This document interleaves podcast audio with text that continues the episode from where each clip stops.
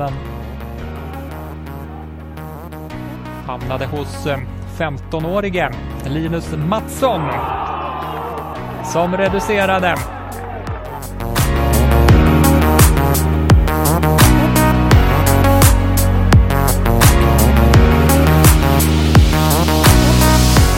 Mårtensson som smyger in bakom och lyckas få in. Här kommer Björn... Har ni sett? Adrian Bjelke!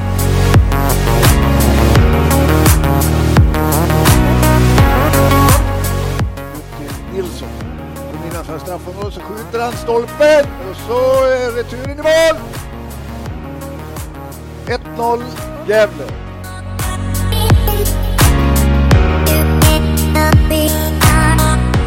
Handa har möjlighet att göra ytterligare. Kommer in i straffområdet och så rullar han in trean och gör ett riktigt hattrick. Race Tanda 3-0.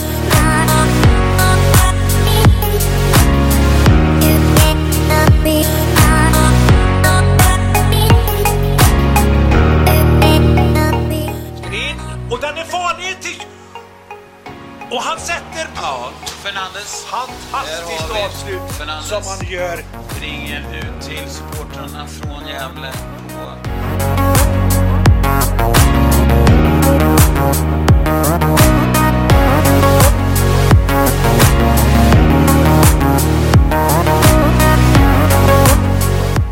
Då.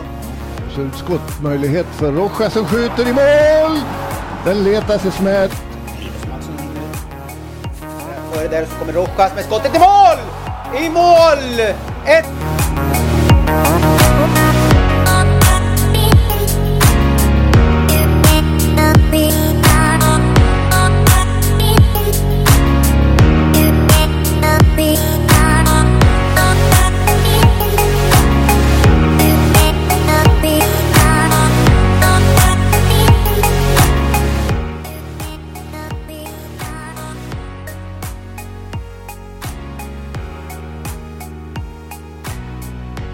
Upp på bortre stolpen. Tanda får ett läge här och Tanda. Räddning Markström. Orkar han hålla sig på... Oh, de reducerar! Gävle reducerar. Det är match igen. På...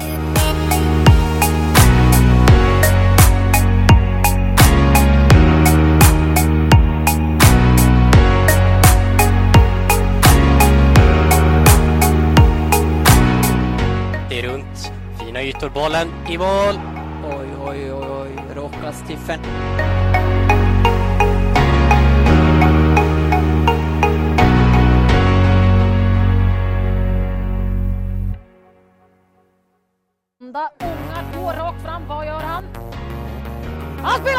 Hassan som reducerar för Gävle IF.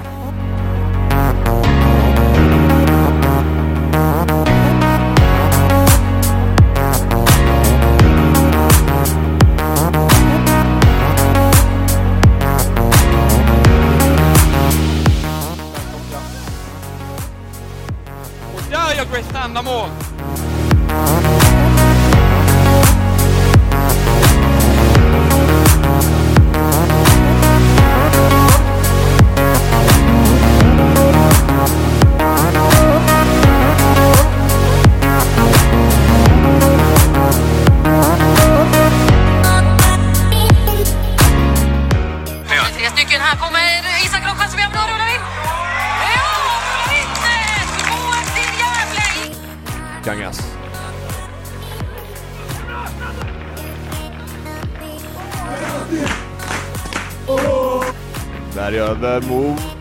Kom igen och Safi.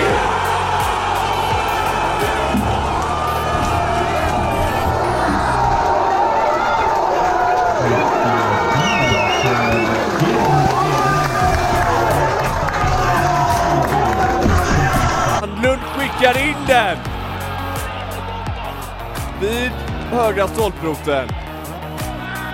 Ja, det är ett fint avslut. Och kan det vara? 16-17 meters avstånd. sandık! Serbest sandık! Serbest sandık! Serbest!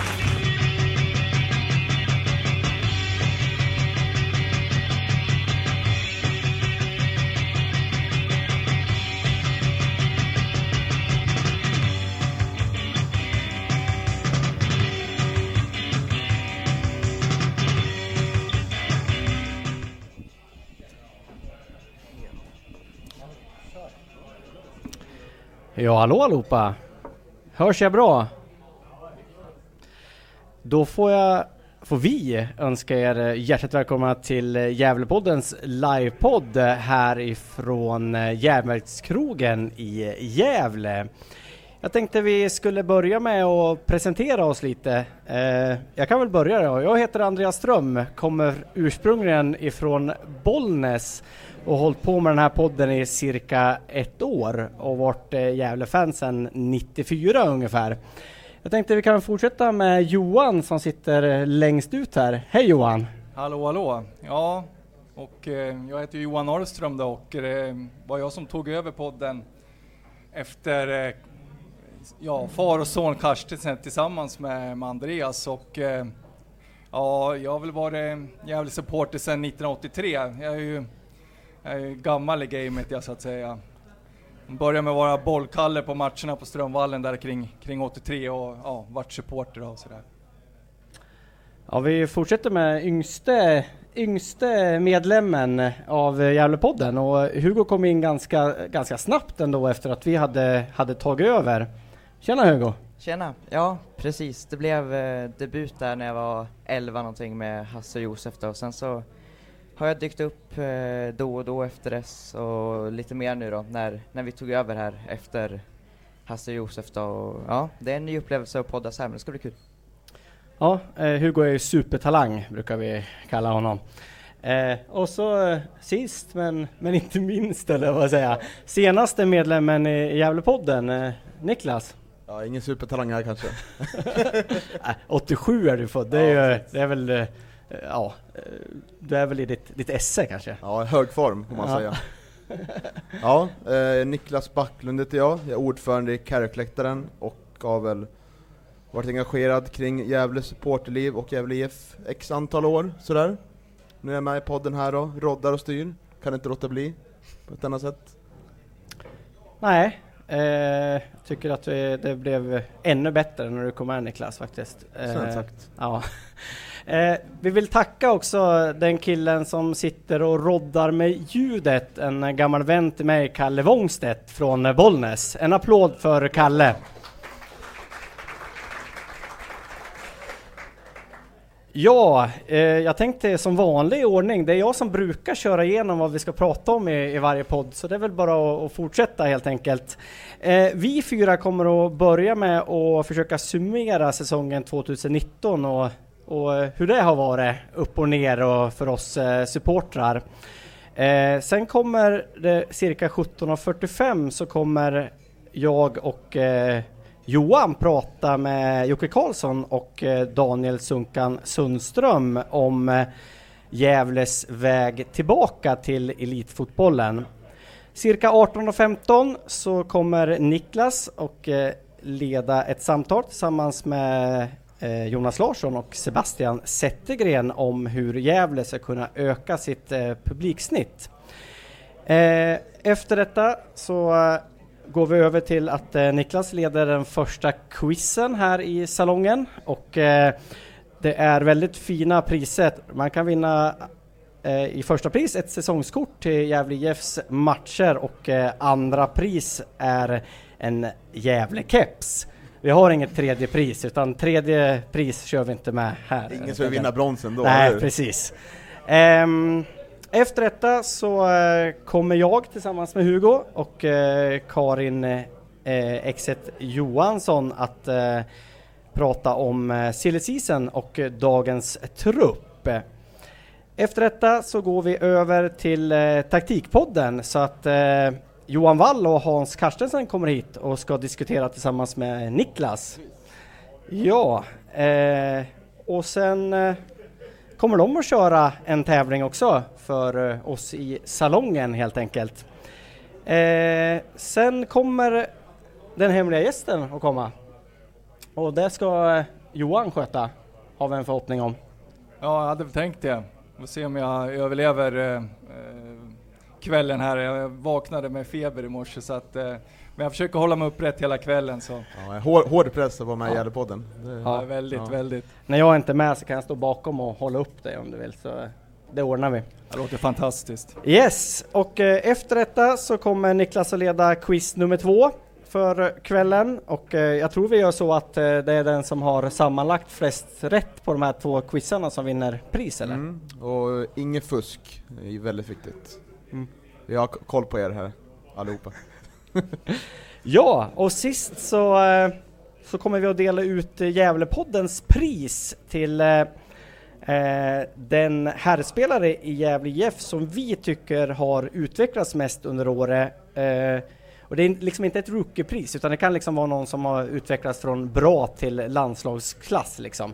Ja, så att eh, det är den vi tycker är, är den, eh, den Gävlespelare som under året har utvecklats mest helt enkelt. Ja, ska vi... Eh... Vi kan väl gå igenom lite att det är 20% på mat och dryck under kvällen mellan 17 och 22 eh, för de som lyssnar på Gävlepodden här så det vill säga att man är en lyssnare så, så är det 20% som gäller. Eh, Det går också, om vi har, har vi några tittare på Facebook? Oj oj. Det finns då möjlighet via lösningen, man kan ringa in om man vill. Och då är numret 090 205 7305. Så vi uppskattar om folk utifrån som kan inte vara här eller som spelar Gävle för kanske, kanske kan ringa in. Ja. Kanske Joakim Adokor från Sarajevo, det var ja, ju trevligt. Ja, det var trevligt. Ja. Eh, ja, men ska vi, ska vi leda oss in på eh, det vi ska prata om nu då? Som är eh, summering av säsongen 2019 eh, och vad som, vad som gick fel eller vad som gick rätt. Det beror ju på hur man, eh, vad man tycker och tänker. Eh, ska du börja Niklas? Ja, det kan vi göra. Eh, Jag skrev ner så här förväntningar inför säsongen. Eh, Jag tror att jag och många andra hade en förväntning om att det skulle bli en säsong, en ganska lugn säsong för en gångs skull. Vi är inte vana vid det, men ska det bli en mittensäsong där vi etablerar oss i, eller ja, blev ett stabilt lag i division 1. Och mot de, de förväntningarna så vart det ju inte alls eh, så. Eh, det var- var det väldigt liksom bristfälligt spel liksom, mycket felpass som man kanske kunde ha förståelse för i början att det, det här är okej liksom, men ju mer det gick det så det blev inte bättre, utan det vart på viljekraft man klarade sig kvar. Vilket kan liknas med säsongen 2017 sådär. Uh, uh, men vad som gick fel? Ja, det, en del har väl att det var många nya spelare tror jag, en ung trupp. Uh, och kanske fel, fel tränarstaben då, får man väl säga. Och det är min lilla input i början. Ja, jag har sagt det i podden innan för er som har lyssnat, eh, att jag hade nog ganska höga förväntningar egentligen. Jag hade kanske hoppats på, på plusstatistik för första gången på, på ganska länge i, i, i mål, mål eh, minus mål plus om man säger så. Eh, och kanske hoppas på en stabil mittenplacering och det, det tycker jag att det, det lyckas man inte med. Sen kanske jag var naiv innan men alltså kollar man spelare för spelare så tyckte jag ändå truppen såg intressant ut och att, att det, det var en trupp som jag hoppades skulle växa in i, i kostymen eh, och det tycker jag inte riktigt man, man gjorde helt enkelt. Hugo? Ja, nej men jag är också med i båda om att eh, jag, jag hade också högre förväntningar än, än vad det blev till slut. Eh, jag tycker att det hade varit rimligt att med, med den truppen vi, vi hade och fick eh, sluta mycket stabilare än vad det, vad det blev. Eh, men sen så, det blev väl liksom aldrig riktigt rätt tror jag. Redan på försäsongen så bytte man ju spelsystem från eh, en 4-5-1 uppställning till en med trebackslinje då, eh, 3-5-2 eller vad det, vad det nu var vi spelade med. Eh, så att liksom, eh, vi kom aldrig riktigt in i det på, på rätt sätt tror jag och det, det syntes ju under egentligen hela säsongen. Mm. Johan? Ja, det var lite svårt att komma in nu när, så här som nummer fyra. eh, Och, men jag, jag håller väl i stort sett med om det mesta som ni säger. Och, eh, nej, men min förväntning var ju också att, eh, att man skulle bli det stabila laget i division 1 norra. Och, och det var väl klubbens eh, målsättning också att man skulle stabilisera sig. Och, och eh, tyvärr så lyckas man ju inte med det. Så, ja. Nej, jag, jag håller med dig Hugo, med, med, jag tycker inte vi har spelarna för att spela den, den, eh, den eh, uppställningen som vi spelar, utan det känns som vi värvade för någonting annat och sen blev det vad det blev och så fick man göra det, det bästa av, av, situationen på något sätt. Jag tycker det är först kanske när vi får in, får in Faki som vi får en, en riktigt bra uh, wingback. Det tycker jag inte riktigt vi har. Det kanske är Nisse som jag tycker gör ett bra jobb där, men jag tycker han, han skulle vara forward istället då. Så att, uh, Ja, nej, det, det kändes lite felbyggt och, eh, och jag tycker inte att det, att det är godkänt i år helt enkelt.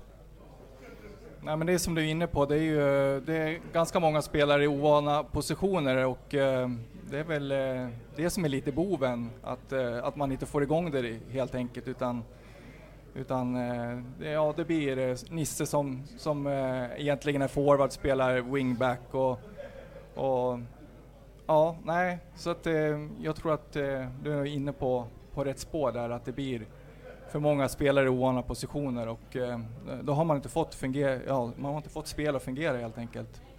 Nej, jag, jag tycker ju åldersstrukturen i laget är ju, alltså, det, det, det är ju väldigt, jag tror det är Grace Tanda som är 25 som är den äldsta spelaren. Och, och då blir det också, det blir ju, det, det är ju orutin i, i, i truppen. Eh, vad tänker ni om, om det?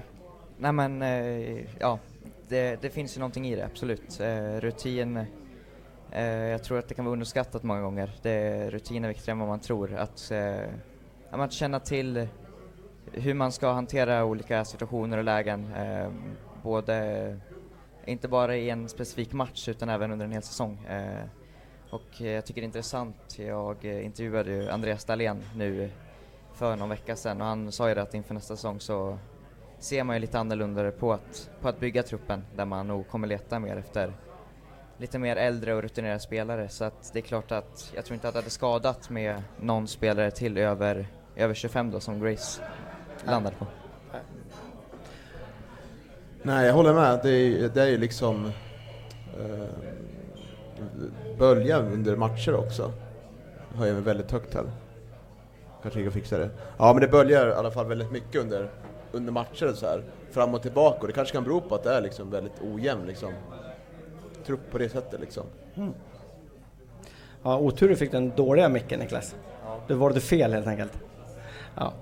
Ehm, nej men om, man, om vi vänder på det och jag vet inte hur många mål vi gör innan det är färdigt. Är det 14, 14-15 eller framåt?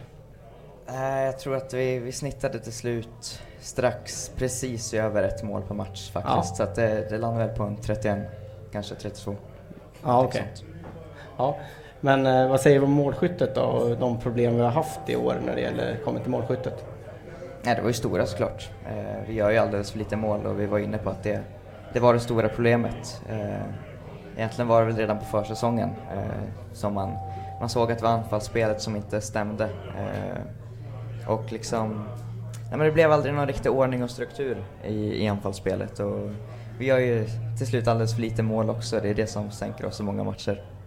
Men ja, nej, det, det är klart vi, vi skulle gjort fler mål än vad vi gjorde. Eh, sett till vår tabellplacering så eh, gör vi, alltså vi tar ju mycket poäng för antalet mål egentligen. Eh, mm. Vi har ju klart minst mål där vi ligger om man jämför med de andra lagen. Mm. Sen tycker jag att det är, tre, det är minst tre lag i den här serien som är sämre än vad, vad Gävle IF är den här säsongen. Och hade vi hamnat på, på kvalplats så, så, ja, så hade det varit riktigt, riktigt dåligt. För jag tycker att de tre som åker ur och den som hamnar på kvalplats, det är, det är sämre lag än vad, vad Gävle IF är. Sen har vi liksom strukturella problem som gör att vi, vi kanske inte spelar, spelar så bra som vi, vi skulle kunna göra. Vad är dina tankar Johan? Nej men eh, det är väl precis som, eh, som ni är inne på, alltså vi, vi gör lite för, för lite mål och det är ju det är där, därför vi hamnar där i botten. Eh, det är ju, vi förlorar de här äh, jämna matcherna där vi, där vi håller äh, vi, vi håller jämna steg med, med många av de här äh, lagarna som faktiskt hamnar i, i topp så att säga och som, som i Umeå bland annat, liksom, som vi förlorar båda matcherna med uddamålet om jag inte minns fel. Mm. Och, och jag menar, vi skapar ju lägen mot, mot Umeå i båda matcherna och med, liksom, med fin utdelning så har man ju kunnat vinna de där två. Nu, nu förlorar man båda istället. Så att, eh, ja, nej, målskyttet är ju helt klart en, en, en stor bov den här säsongen. Ja, har du fått ordning på micken Niklas? Jag vet inte, kanske. Alltså, eh, Ja, jag hänger inte med riktigt. Jag tappar fokus lite, så prata på nu. Ja, jag med. Ehm, ja, nej men om, om vi ska summera det så, så, så är jag inte, jag är inte nöjd med, med hur, hur, hur det har sett ut i år och, och den röda tråden. Och det här känns ju som att vi har pratat otroligt mycket om i, i, i podden redan. Och, och man kan ju hoppas för något till nästa säsong att, man, att de yngre spelarna har, har tagit steg och att, att, att vi har en stomme nu som, som har den erfarenheten man behöver från, från division 1-fotboll. Eh, någonting om det Niklas? Absolut. Behöver liksom, tror jag, behålla truppen ganska länge liksom för att ska kunna få en utveckling liksom. Ha en stor bredd av truppen och det är väl det med lite fårhaga, fårhaga man har nu inför säsongen att det är väldigt oklart vilka som blir kvar och vilka som inte blir kvar. Mm. Man vet ett fåtal namn som Albin, Axel, eh, Nisse, Mm. William Lindqvist kanske sådär och någon till. Kanske Ibra också såklart. Och Sandlund, jag vet inte om du sa Nej, Sebbe Sandlund? Nej. Nej. Det är ju 6-7 namn liksom som gör att det liksom blir en ovisshet, ovisshet att det blir många kvar. Så visst gäller det att behålla många den här säsongen för att det ska bli bra. Mm. Ja, och sen eh, hoppas jag på att, nu ska vi prata Silly sen, men jag hoppas att någon av eh, IO eller de blir kvar helt enkelt. Mm.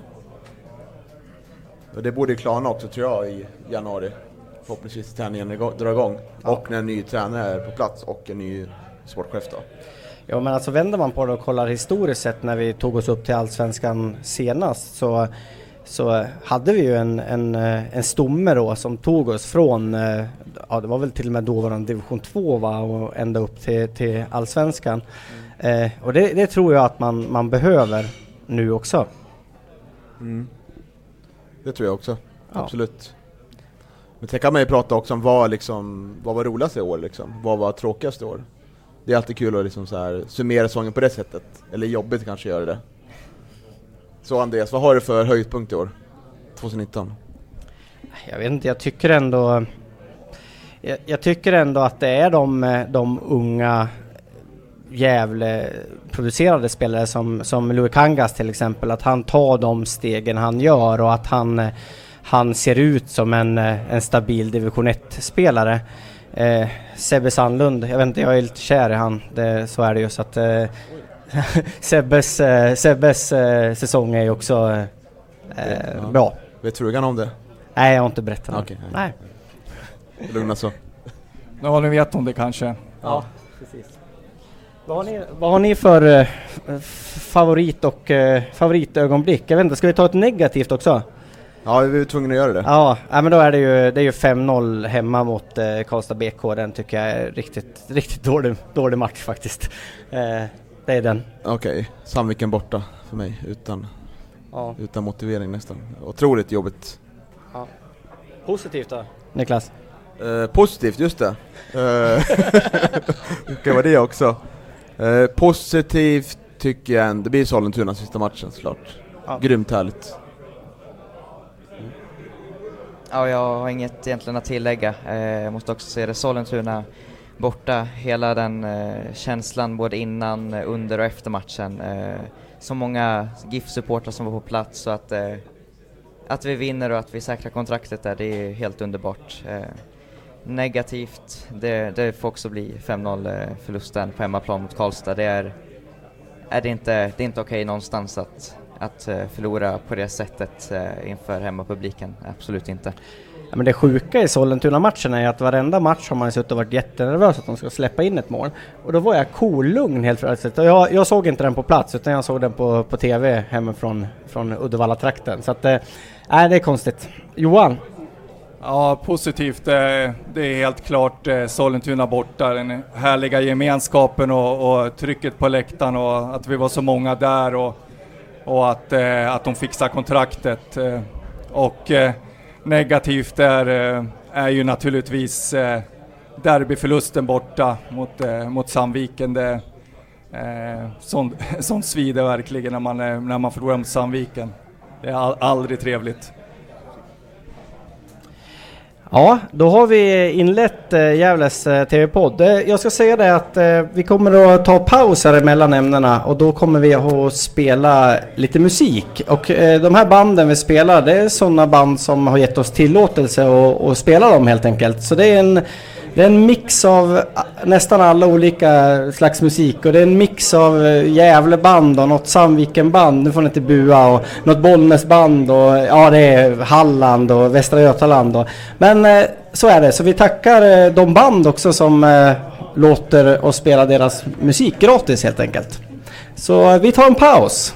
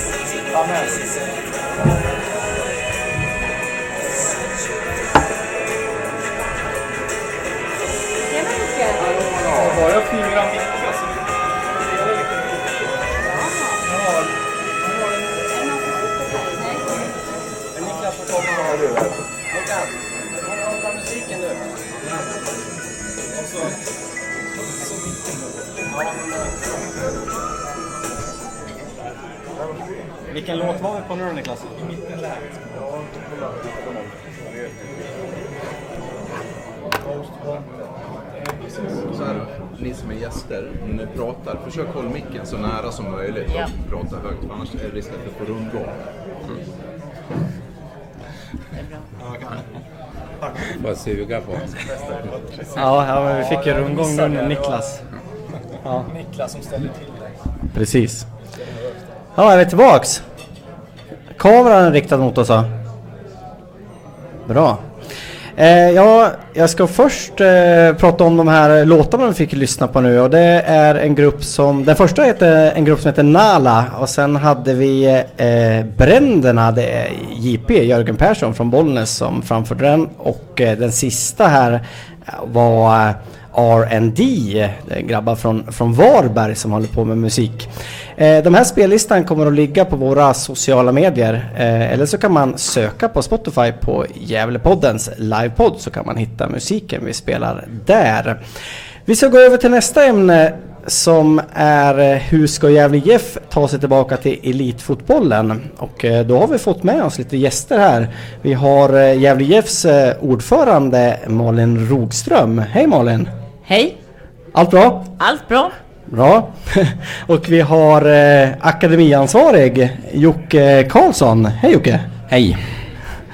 Och så har vi fått med oss eh, Daniel Sunkan Sundström också. Tjena Sunkan! Tjena tjena! Länge sedan, allt bra? Allt är bara tipptopp.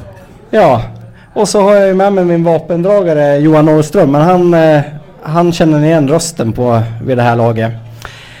Eh, jag tänkte att vi skulle börja prata lite om den här treårsplanen, eller planer överhuvudtaget som eh, vi har tagit fram i Gävle IF. Eh, och eh, jag tänkte att du kunde prata lite om det här Malin. Ja, eh, absolut. Vad vill ni veta?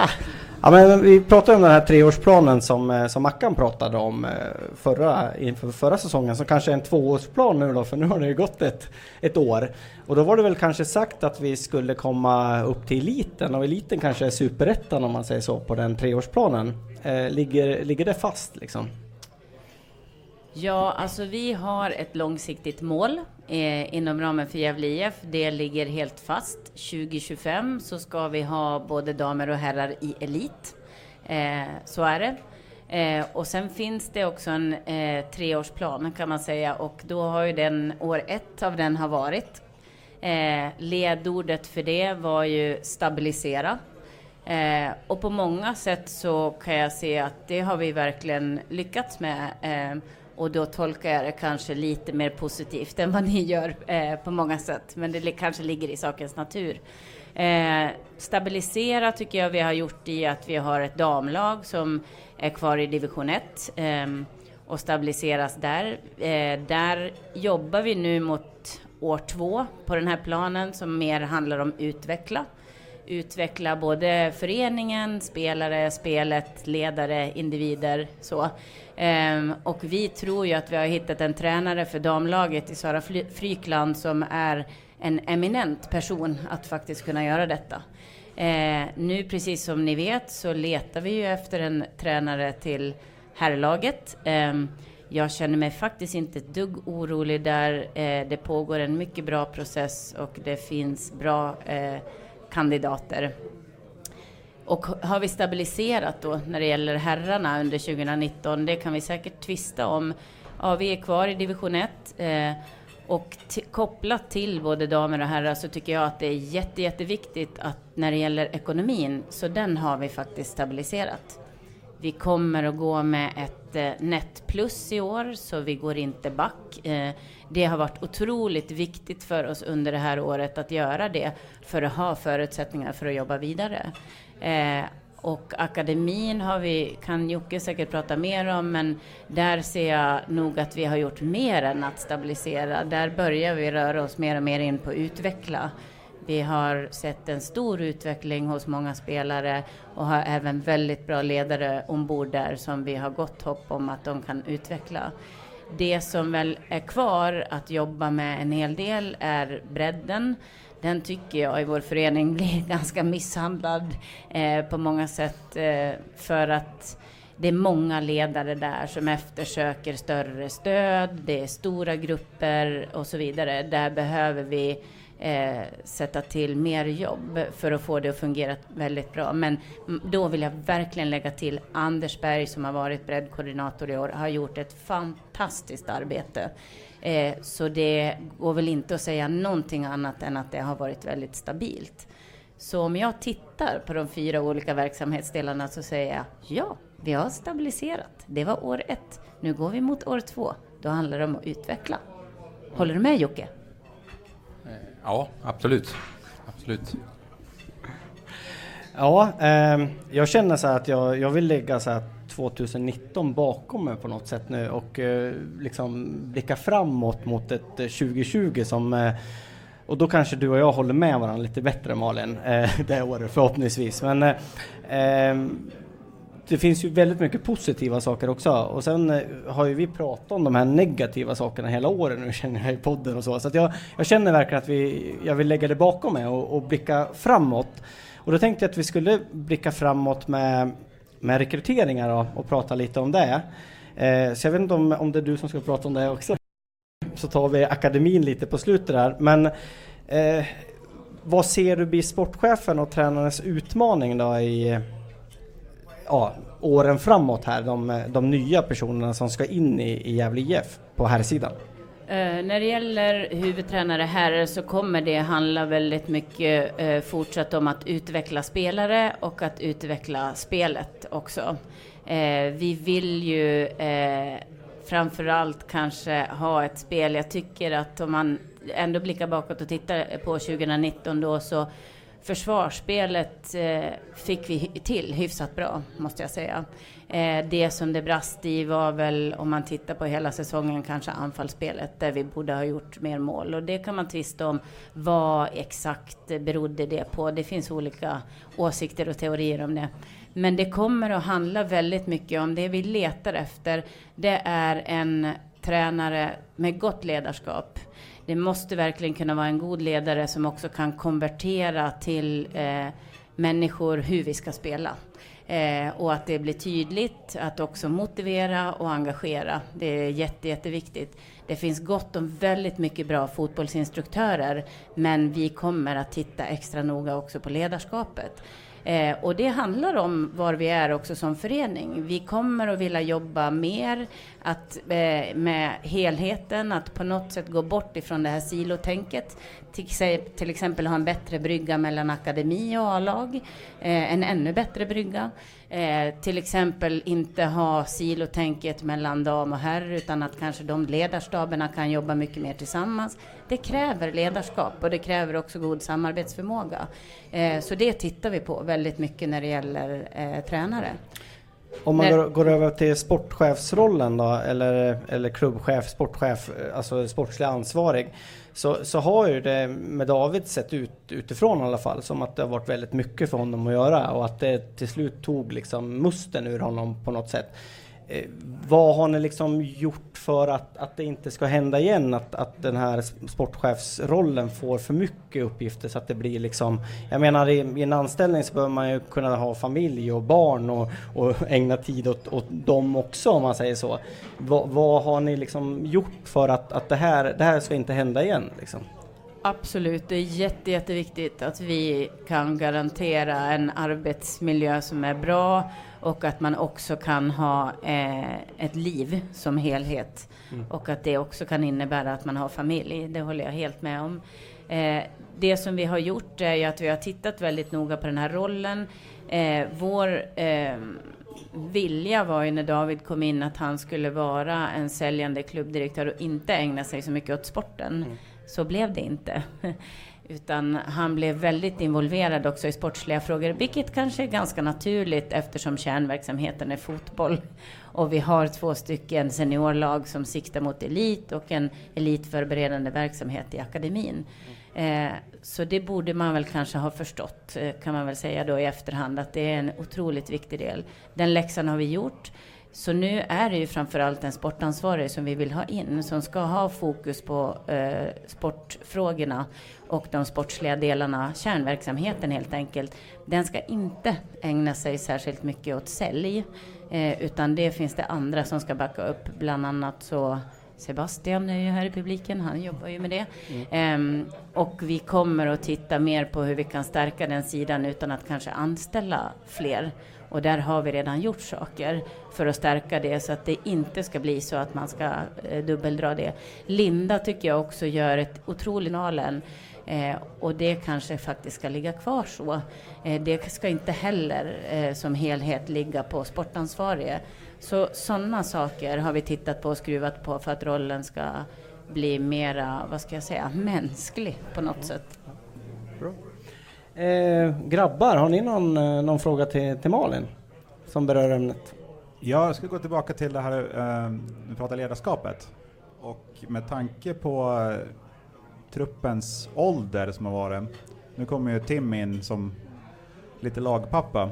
Men, eh, Fantastiskt viktigt och roligt Ja. måste jag säga. Eh, men tittar ni liksom då efter någon som eh, kan ta den rollen med så pass många unga spelare? För det är ju lite speciellt. Ja, det måste vara någon som eh, dels har i sitt track record att man har jobbat med att utveckla yngre spelare, för så kommer det se ut även nästa säsong. Vi kommer att fortsatt ha en ung trupp och det som man ska komma ihåg är eh, mellan eh, 18 och 19 så var det ju otroligt stökigt. Vi gick från superettan till division 1. Vi tappade i princip hela truppen, eller i alla fall 17 spelare.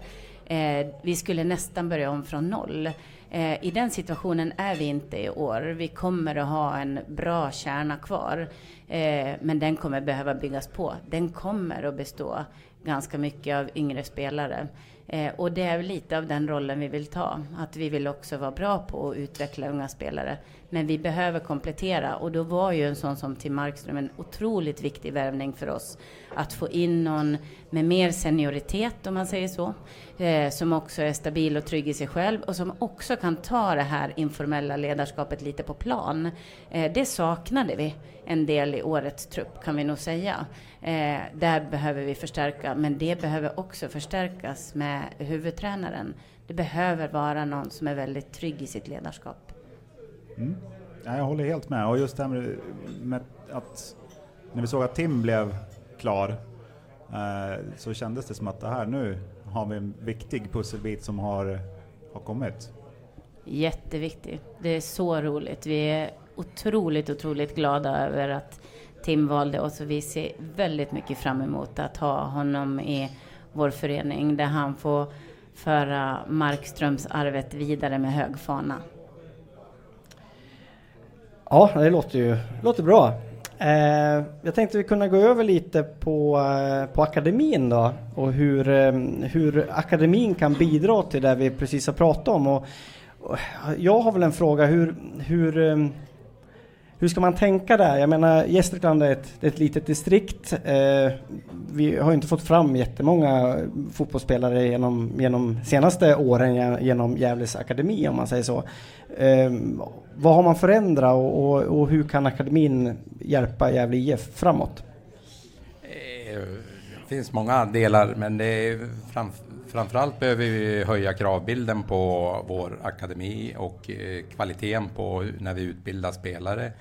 Vi behöver ha, precis som vi har eh, blivit i år, där spelare från P19 får möjlighet att eh, träna med A-laget på sin position, inte som en numerär. Alltså, tidigare så jag, spelar jag forward och blir upplockad i A-laget kan jag få spela vänsterback på träning. Då blir det ju inte så mycket konkurrenssituation. Men nu är det ju spelare som blir upplockad och får spela på sin position och blir, kan konkurrera.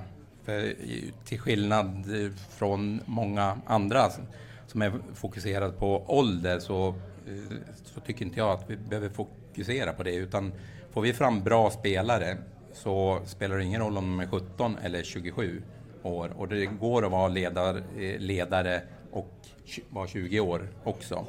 Eh, så i- om vi ska lägga eh, 2019 bakom så det har gått lite tungt för damerna, det har gått lite tungt för herrarna, men för, för akademin så har det öppnat upp otroligt. Resultatet har inte varit eh, bra för P19, men vi har fått fram spelare som jag är helt säker på kan konkurrera om eh, en startplats redan nästa år, ett par tre stycken.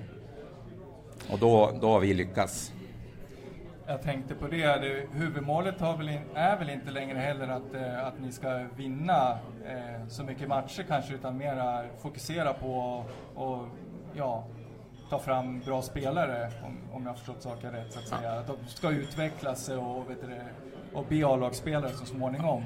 He- Helst vill vi att vi ska vinna och få få, som vi spelar i Allsvenskan, backa hem och bara tjonga. Vi hade tagit förmodligen 6, 7, 8 poäng till, men vi hade inte utvecklat någon spelare överhuvudtaget. Och då, om vi står och väljer det, då är det bättre att vi, vi får stryk matcherna, men får fram bra spelare. Men det är ju inte ett enda mål, för varenda träning, varenda match, då ska de, är det eh, sten, sax, påse eller stafett eller 3 mot 3, 7 mot 7, 9 mot 9, 11 mot 11, då ska de vilja vinna matchen. Alltid. Men vi som vuxna ledare, vi kan ju ge instruktioner så att vi utbildar dem. Exempelvis om man har, vi vill att mittbackar ska kunna ta fram bollen. Exempelvis Olof Mård, tidiga versionen versioner av Olof Mård eller Mats Hummel i, i Dortmund. Den typ. Och är du 17 år och tar fram bollen mot AIK, då får vi räkna med att de, de eh, blir av med bollen. Men när de kommer upp i A-laget, då kommer de göra bra saker. Det har varit eh, väldigt mycket unga spelare i, i eh, vet du det, U19-laget också va? Det, de är ju 16-17 år vissa va, om jag förstått saken rätt. Ja, och, och då gäller det ju liksom, precis som Malin säger, sa, att, eh, att ha bra instruktörer och Mehmet Pakir har ju gjort ett fantastiskt jobb. Vi har fått stryk eh, ja, mer gånger än vad vi har vunnit och tagit poäng. Men om ni går ner och tittar på träningen och tittar på de sista matcherna, de springer ju och offrar sig och eh, ja, det, är, det är så jag skulle bli religiös. Eh, när, man, när man ser, eh, eh, man kan inte tänka sig att det här laget har fått stryk så otroligt mycket. Utan de har så otroligt mycket eh, glöd och vill bli bra. Och det krävs ett skickligt ledarskap. För de hade lika gärna kunnat vilja sluta efter sommaruppehållet. Jag, kan, jag vill hålla med dig där Jocke, du säger liksom att visst vill man ju vinna och det är lättare att vinna matcher än att utveckla spelare. Och när du har med unga spelare att göra så måste man låta dem göra misstagen för att de ska lära sig. Eh, för att om en mittback tappar bollen och du får en numerärt överläge mot dig så är inte det hela världen om han lär sig någonting av situationen. Eh, och där är ju Mehmet fantastiskt bra. Verkligen. Och jag har ju tittat lite på jobbat och det är ju ja, det är otroligt imponerande tycker jag. Ja men vad, vad är realistiskt då? Liksom per år och, och vill du prata så? Kan man tro att man ska lyfta upp en, en spelare per år eller från akademin eller? Ja, jag tycker att eh, vi får kasta bort den här att Gävle, så Gästrikland är så litet och, och så här, vara lite kaxigare och liksom vi ska få fram, om vi får fram tre, fyra, fem spelare varje år som vi kan lyfta upp i, i A-truppen, ja, då ska vi göra det. För det är utan annan jämförelse, men om man tittar på grannen i Brynäs, de, de har tagit fram 139 spelare, eller 130 eller 140 spelare som livnär sig på ishockey. Och ishockey och fotboll är helt skillnader. Men de allra flesta kommer från Gävle. Och, och med omnejd. Det är inte så här att de kommer från Övik, Skellefteå och det kommer någon från Gotland ibland. Och, och tre, fyra, fem spelare som kan gå in i A-laget och kanske en varje år ta sig vidare till Superettan och Allsvenskan och kanske till Norge, Danmark och så vidare. Ja, då... Det, det ser inte jag som någon utopi, utan det, det är jag helt säker på att om vi sköter våra saker rätt, då, då kan vi sitta här om fem år och, och säga ja, men det blev så. Men, eh, fotboll är ju en, det är en stor sport och vi som eh, sitter i distrikts, eller Gästriklands fotbollsförbund också, på i utbildningskommittén, eh, diskuterar ju spelarutbildning ganska mycket. Och min uppfattning där är att den här spelarutbildningsplanen som Svensk Fotboll har tagit fram existerar ju knappt ute i, i klubbfotbollen. Och hämtar man, alltså blir en spelare bra så har den oftast antingen blivit bra ändå eller så har de haft turen haft en bra tränare. Någon pappa som eh, har gått utbildningar eller något sånt där. Vad kan man tänka sig att, att Gävle kan göra för att få eh, fler klubbar att utbilda sina spelare på ett bättre sätt så att man har en bättre, en större pool av, eh, av spelare till akademin? Dels är, är det som Malin sa tidigare att vi behöver få ordning på vår breddverksamhet först, alltså liksom fokusera där. Så att, för vi har ju stora kullar och vi behöver få ut bättre utväxling från våra egna. Men sen, sen när vi har gjort det, då... Vi har ju bra relationer med, med många föreningar runt om i, i distriktet här. Så, men det, då blir ju nästa steg att, att eh, ut och, och tala om hur, hur ja, vad vi kanske ser att, att saknas när man blir 15-16 år. Alltså, ja. Ja, och vi, och vi har ju vi har fått eh, medel från Idrottslyftet där till nästa år och eh, jobba med mentorskap för flickor och pojkar 13, 14, 15 på Gävle IF. Då.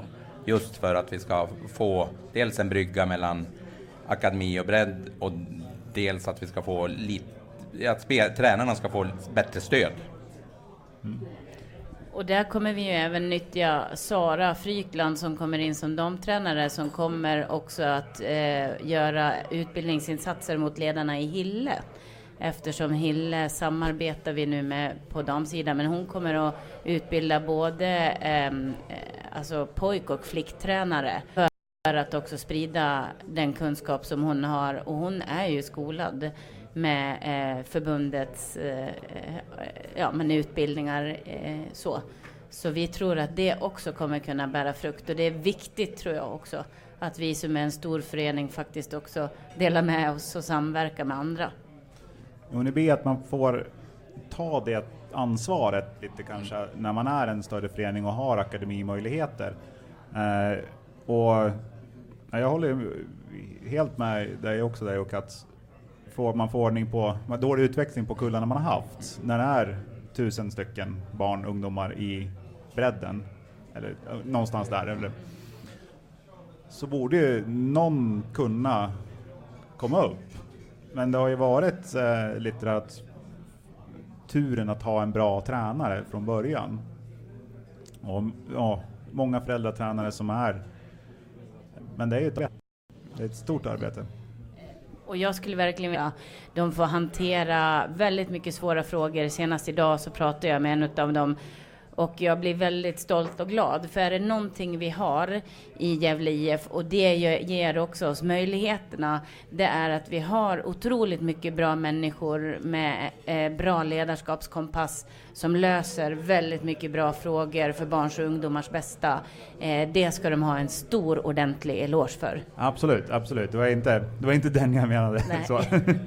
Nej jag vet ju att det, det finns ju sociala frågor som kan vara som man får handskas med också som är väldigt svåra. Och där eh, håller jag med, det är ett jättejobb. Alltså, där gör man ett bra jobb. Hade du med? Nej, jag hade inget mer och eh, jag, jag får lite tecken här från, från Niklas att vi, att vi måste börja avrunda lite här. Ja, men eh, då får Niklas sätta på lite mer musik och så tackar vi så väldigt mycket Jocke och Malen för att ni ville ställa upp och, och prata med oss här på livepodden. Tack så mycket. Ja, tack själv.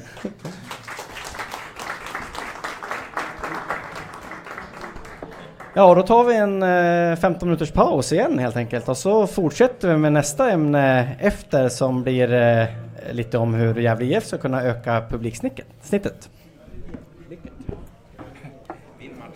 Ja, ja. Vi hoppar över. Vi hoppar den punkten.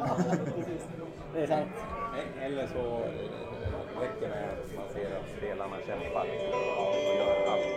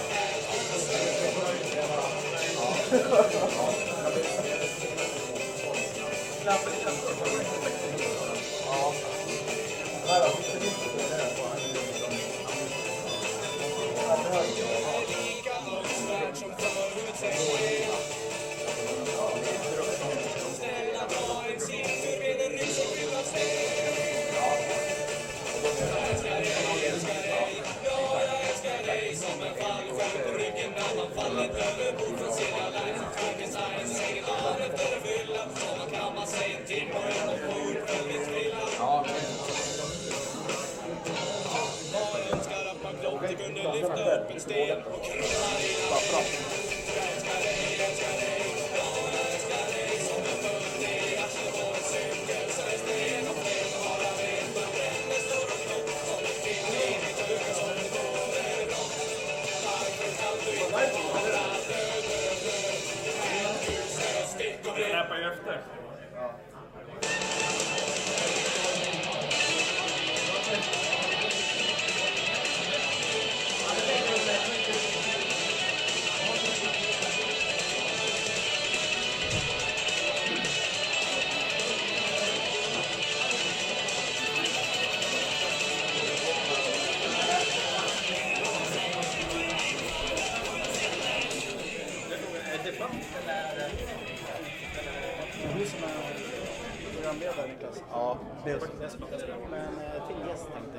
Jag stund i samtalet. Ja, trevligt. Så vi har en eh. Det är en överraskning. Ja, vi är där.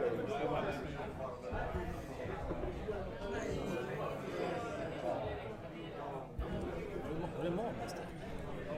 Ja, precis. Jag har knappt jag inte bara sett säga Lucas Key. Ska ändra kameran lite kanske.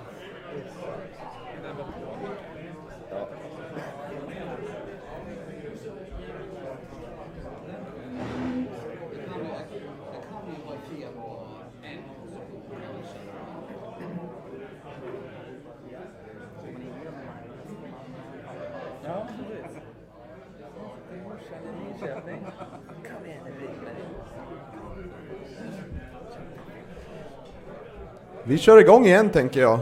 Medan folk står i baren och hänger och allt möjligt. Det vi hörde i musikväg där var Blaze on Stone senast, Heart of Stone. Ett band från Sandviken tror jag. Det får vi överseende med ibland. Kan bua allihopa. Eh, och det var också porr, porrorkestern, porrorkestern heter det va? Porrorkestern, yes. Och Bland annat. Eh, nu ska vi prata om eh, publiksnittet och hur vi kan locka publik till Gävle IFs matcher. Med mig har jag då eh, Jonas Larsson och Sebastian Zettergren. Eh, vi kan jag kan presentera dem. Det är ju, vi har Jonas Larsson här, jobbar som bibliotekarie, har eh, varit med kring Gävle IFs supportkultur ganska länge. Eh, början av 2000-talet va? Om jag inte rätt? Jag har varit med hela mitt liv ska jag säga. Hela ditt liv, okej. Är 35 nu. ja, okej. Eh, han har suttit i valberedningen för, nej, styrelsen för Svenska Fotbollssupporterunionen till och med. Eh, som är, samlar alla supporterföreningar i Sverige då. För att förbättra för supporterna runt om i landet. Och sitter nu i styrelsen för Kärrsläkten. Stämmer. Välkommen. Tack.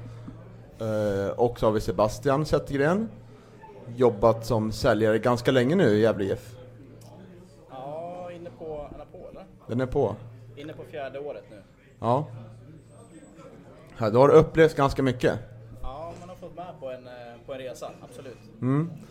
Och jag tänker som första fråga, hur sker arbetet dagligen bland, bland dig och ni andra som jobbar nu i Gävle IF kring att attrahera publik till Galvallen? Förlåt, ta frågan igen. Hur sker arbetet med att locka publik till Galvallen? Eh, nej, men vi jobbar ju på flera olika fronter. Till att börja med så tycker jag att eh, det är värt att lyfta upp att vi har haft en väldigt positiv början på säsongskortsförsäljningen. Eh, där har vi sålt ungefär 60% av eh, antalet säsongskort som vi sålde. Jag tror vi ska vänta, att, att micken kanske inte var på riktigt. Men, men, men bara slå på. Vi kan vara på mitten där. Ja. Jag sa det. Ja. I mitten. Ja. Hörs det bättre nu? Nu hörs det. Perfekt. Det var någon som var Perfekt. duktig att stänga av micken efter förra. Ja. På folk här. Vi tar om allting igen då. Hur, hur sker arbetet bland, bland dig och dina kollegor på, uppe på Galovallen med att locka publik till matcherna? Eh, nej, men vi jobbar på flera olika fronter, men till att börja med så tycker jag det är värt att lyfta upp att vi har haft en väldigt positiv inledning på säsongskortsförsäljningen. Eh, fram till idag, eller ja, fram till igår i alla fall, det har jag inte kollat, så hade vi sålt ungefär 60% av det antalet säsongskort som vi sålde totalt under 2019. Eh, så vi jobbar ju för stunden ganska hårt med säsongskortsförsäljningen och sen blir det ju ännu mer fokus på, på eh, lösbiljetter naturligtvis när vi närmar oss säsongen. Och det gör vi genom en rad olika faktorer. Bland annat har vi gjort en del ändringar inför nästa säsong.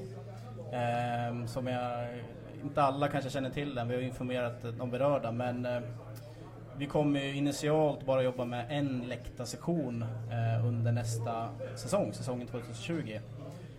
Och det är ju det som tidigare har varit VIP-läktaren då, den långsidan.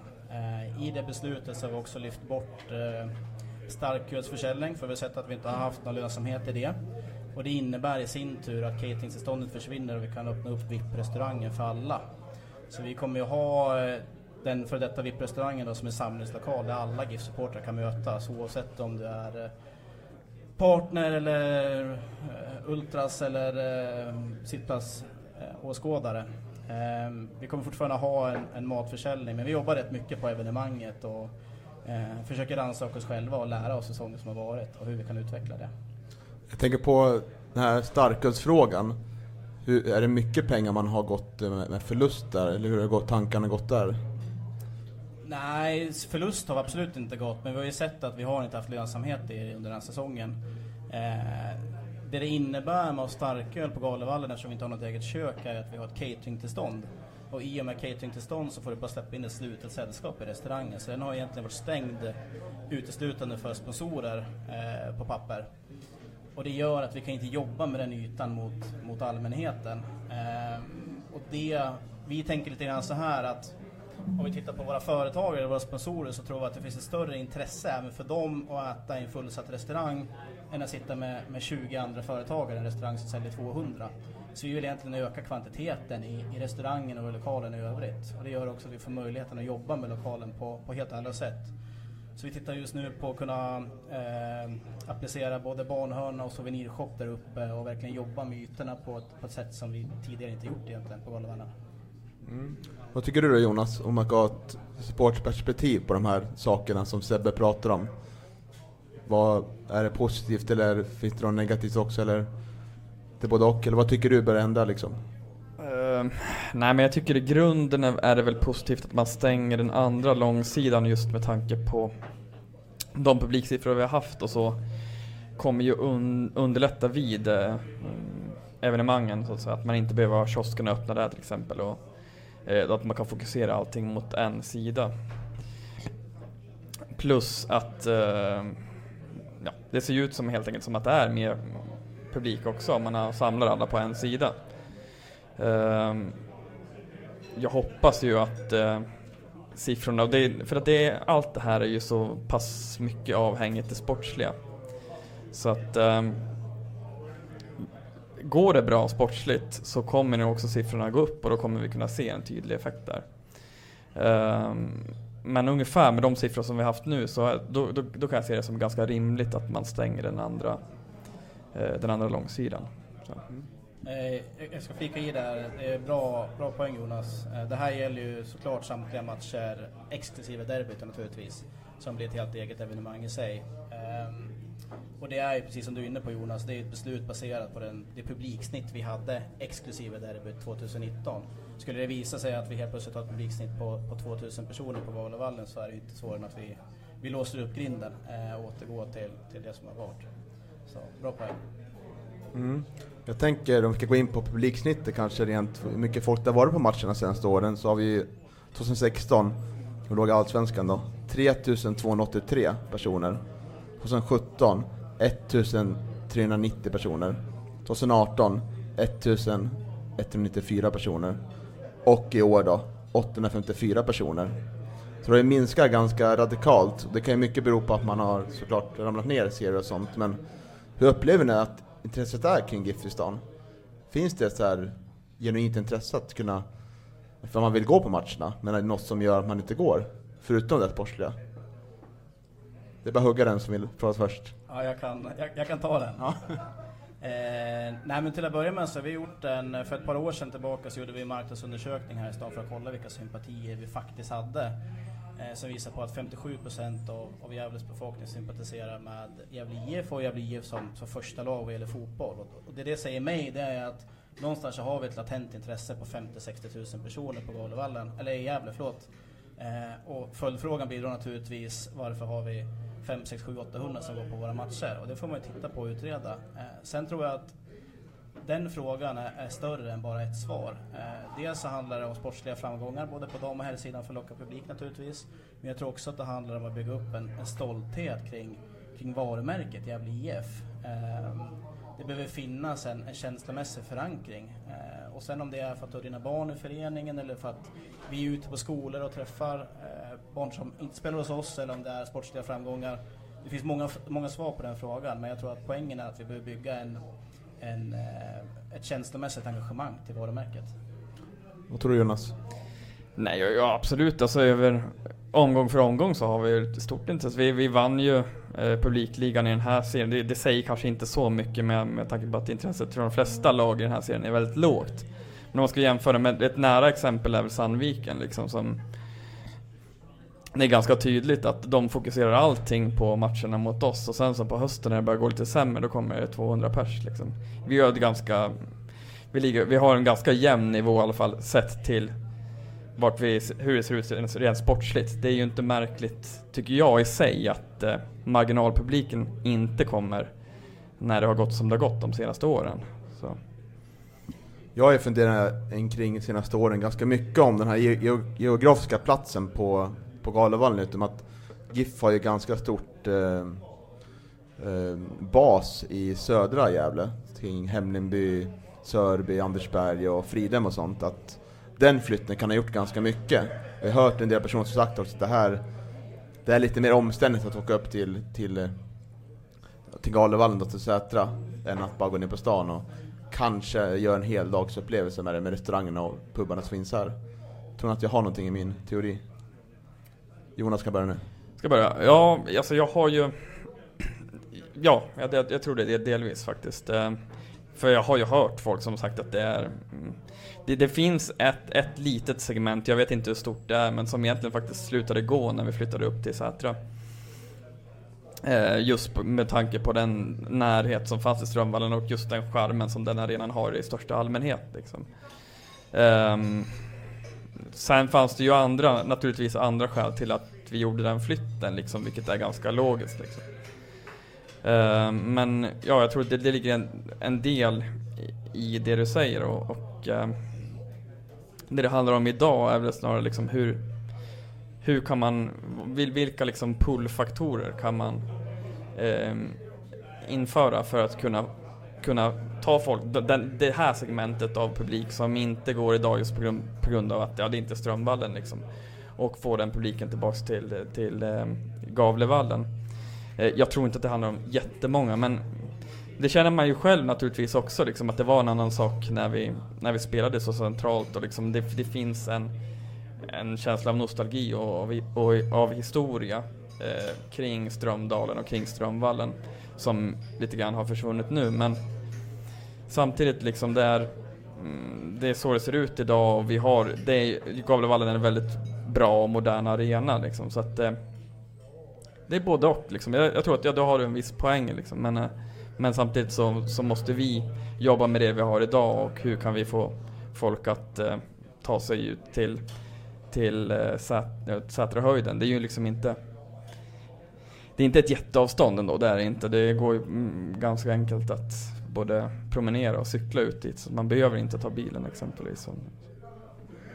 Ja, Sebbe, vad tror du? Nej men alltså det är klart att jag också har hört de där eh, versionerna. Jag själv är uppväxt i Giffland. Jag kommer från Sörby och har, har cyklat och gått till Strömvallen under hela min uppväxt. Men samtidigt så är jag principen att det, det är farligt att gömma sig bakom en sån, en sån ursäkt. Tittar man generellt på, om vi nu ska prata breddpublik, så den sportsliga publiken i Gävle har ju vallfärdat upp till, till Sätrahöjden i 50 år för att titta på hockey. Mm. Eh, så jag tror att det där är liksom, det, det är farligt att säga att publiktappet bara beror på, på flytten till Galevallen. Jag tror att man måste titta på ett större perspektiv. F- för det är inte en utmaning att ta sig upp till Sätrahöjden, absolut inte. Eh, och den, den, eh, den frågan har ju också många svar såklart. Men det är allt från logistik till, eh, nu har ju vi till exempel inte specialiserade bussar till våra matcher som, som Brynäs har, vi hade det i Allsvenskan. Eh, Men också det som vi var inne på, alltså sympatier för, för klubbmärket. Så att bara säga att publiktappet beror på eh, flytten från Strömvallen till Galevallen, eh, det köper jag inte. För det finns en, en allmän uppfattning om att idrott spelas uppe på Säterhöjden sen, sen mångårig tradition. Hur, du var inte med på Strömvallen, jobbar du i GIF då? Nej, det gjorde jag inte. Nej. Men då kan, kanske ändå liksom, hur reagerar sponsorerna och företagen nu på att man har, det, man, det ni erbjuder uppe på, på Gavlevallen med mat och sånt? Vad är samlade intrycket, skulle du säga? Nej, men överlag positivt. Det är klart att det har fått en viss påverkan för, för krögare och andra aktörer centralt i stan när vi hade matcher med 5-6 tusen eh, där merparten då samlades nere på stan och krögarna tjänade pengar på att sälja mat och dryck före matcherna. Där har vi ju såklart haft en negativ konsekvens. Eh, men överlag är det positivt och det har ju mycket med faciliteten att göra. Eh, nu jobbar jag visserligen inte på Strövallens eh, dagar men jag har ju varit här mycket som supporter och det är helt andra förutsättningar än vad vi jobbar med på Galevallen. Både vad gäller eh, arenan i sig men också självklart VIP-utrymmena som vi håller upp med, som vi inte kunde erbjuda eh, på Strömvallen. Jag tänker att ni gjorde en ganska bra grej tycker jag inför, inför derbyn när ni tog med liksom eh, Sebastian Sandlund och Olof Mård från Sandviken och försökte liksom få ut det på Youtube och få folk till matcherna så. Jag skulle i alla fall tycka att det var väldigt intressant om man använde spelarna mer i marknadsföringen. Liksom, att de blir, det blir en del av deras arbetsuppgifter. Liksom, att marknadsföra matcher, kanske stå på stan och eh, sälja säsongskort, souvenirer. Gör någon liksom, slags, kanske någon julmarknad av det hela. Liksom. Nu har vi julmarknader och hjälper och samlar in pengar för vad det kan vara och samtidigt sälja liksom, souvenirer och säsongskort, vad det kan vara. Tror ni det, sådana det skulle vara möjligt? Ja, men jag håller med dig till 100%. Jag tycker att det är jätteviktigt. Sen är det klart att utmaningarna är större att göra sådana saker när vi har deltidsanställda spelare kontra heltidsanställda spelare. Men det är jätteviktigt att skapa en igenkänningsfaktor på våra spelare. Så är det. Jag träffar människor dagligdags som knappt kan nämna en spelare i, i vår, om vi nu ska prata herrtruppen, eh, i vår herrtrupp. Eh, kontra liksom hur det var i Allsvenskan för några år sedan. Så den profileringen är såklart jätteviktig. Du behöver ha igenkänningsfaktorn. Det kan vara små saker. Jag, vet ett exempel för två år sedan är väl när vi hade Jesper Florén och hade en träning med våra flickor, 10 tror jag att det var. Eh, och de var ju helt begeistrade och jätteförtjusta. Och matchen efter så satt det 30 tjejer och Jesper Florén hade egna hejaramsor på matchen. Eh, det är små saker men det gör att det skapar en igenkänningseffekt för, för spelarna och spelarna bär också vårt varumärke. Så jag håller med dig till, till 100% i det. Vad tror du Jonas, kan spelarna vara användningsbara i marknadsföringen inom klubben? Ja, det tror jag absolut. Det är det korta svaret det är en jättebra strategi, det tror jag. Sen naturligtvis så handlar det inte, handlar inte bara om att man eh, plockar in en spelare, liksom, det handlar om hela upplägget, hur man, hur man gör det. Så att säga. Men eh, absolut. Mm. Har vi någon fråga från publiken här kanske som vill komma med? Ni är väldigt tysta och respektfulla här. Nej. Ska vi se. Jo, jag tänkte på framtiden. Eh, vad tror ni om att, eh, det har ju varit mycket, jag har själv suttit på möte med, med dig Sebbe och med, med David och Malin sådär. Vad finns det för möjligheter att ha ett framtida samarbete? Och vad, vad skulle man kunna göra mellan supporterklubben och Gävle IF mer praktiskt sådär? Ja, det är ju en stor och svår fråga. Eh, men eh, generellt sett så tycker jag att vi kan bli mycket bättre på alla våra samarbeten och likaså med supporterklubben. Supporterklubben är ju jätteviktiga för oss. Eh, tittar man liksom på, på omvärldsanalysen och vart vi befinner oss just nu, för det är den verkligheten vi måste leva i, så, så ni, alla ni som sitter i den här lokalen och ni som tittar på den här sändningen är ju extremt viktiga för vi är ju ambassadörer för varumärket. Eh, och vi ska, ska vi få spridning liksom och mer publik och bättre ekonomi och, och se någon tid också ha ett dam och herrlag i Allsvenskan, då krävs det att alla människor hjälper till. Gävle IF består ju inte av eh, två, tre, fyra, fem personer på ett kansli och spelarna som representerar elitlag utan Gävle IF är ju stadens lag. Eh, och vill Gävle ha ett lag, eller två lag förlåt, i Allsvenskan ja, då är det Gävle som måste göra det som stad. Eh, så jag tror att samarbetet är jätteviktigt med supportklubben. Eh, och det finns säkert tusen olika saker vi kan göra men, men en bit är att titta på till exempel som jag och Jonas har pratat om eh, prissättningen på, på ståplats. Kan vi hjälpa till där? Finns det andra attraktioner vi kan göra? Kan vi samverka med partners på något sätt och skapa i det? Vi, vi, behöver ju, vi behöver locka mer publik till ståplats och där behöver vi hjälpa till. Eh, för det är ju, ska jag bara utgå från mitt eget perspektiv så är det nästan halva tjusningen med idrott. Det är ju inramningen på, på matcherna. Eh, och där tycker jag att svensk fotboll generellt har utvecklat sig jättemycket eh, under det senaste decenniet. Och då är det ju, eh, alltså tittar vi på den största matchen i Sverige så är det jämförbart med liksom toppligan ute i Europa enligt mig. Eh, så vi ska, vi ska och vi kommer eh, göra fler samarbeten tillsammans. Mm. Vad tror du Jonas? Ja, det är en jättebra poäng det där. Eh, om, man, sven- om man ser över svensk fotboll generellt så kvaliteten kanske inte är jättehög, men eh, eh publikmässigt så tillhör, tillhör vi, ja, det är de, de bästa i hela, hela världen egentligen, eller i Europa i alla fall. Eh, så att eh, under vårt samarbete med GIF så finns det naturligtvis otroligt mycket att göra. Jag tycker att vi har haft en under ganska lång tid nu rätt bra dialog liksom också där där vi har liksom eh, kunnat bolla idéer och, och funderat liksom på vad man kan göra för att för att, för att få liksom att, det- att det blir bättre. För, oss handlar det väldigt mycket liksom om hur kan vi hur kan vi få fler till, eh, till klacken exempelvis? Eh, hur, kan, hur kan vi jobba liksom kring matcherna? Ehm, och finns det andra liksom ytor där vi kan samarbeta? Så det finns ju jättemycket att jobba på naturligtvis. Mm, väldigt intressanta svar här. Väldigt lovande i framtiden. Nu hade du Sebbe en liten gäst på gång här va? Ja, men det stämmer. Eh, om vi nu ska lämna, lämna publik och komma in på, på eh, sponsring eller partnerskap så, så har vi faktiskt nöjet idag, här och nu, att för första gången sedan eh, Allsvenskan 2016 presentera ett nytt eh, huvudpartneravtal som blir ett jätteviktigt eh, ekonomiskt avtal för, eh, för klubben. Så jag tänkte faktiskt eh, presentera upp dem på, på scen så får de också vara med att, eh, att diskutera det. Så jag säger välkommen upp till eh, Lika som bär, flyttfirma som etablerar sig i stan.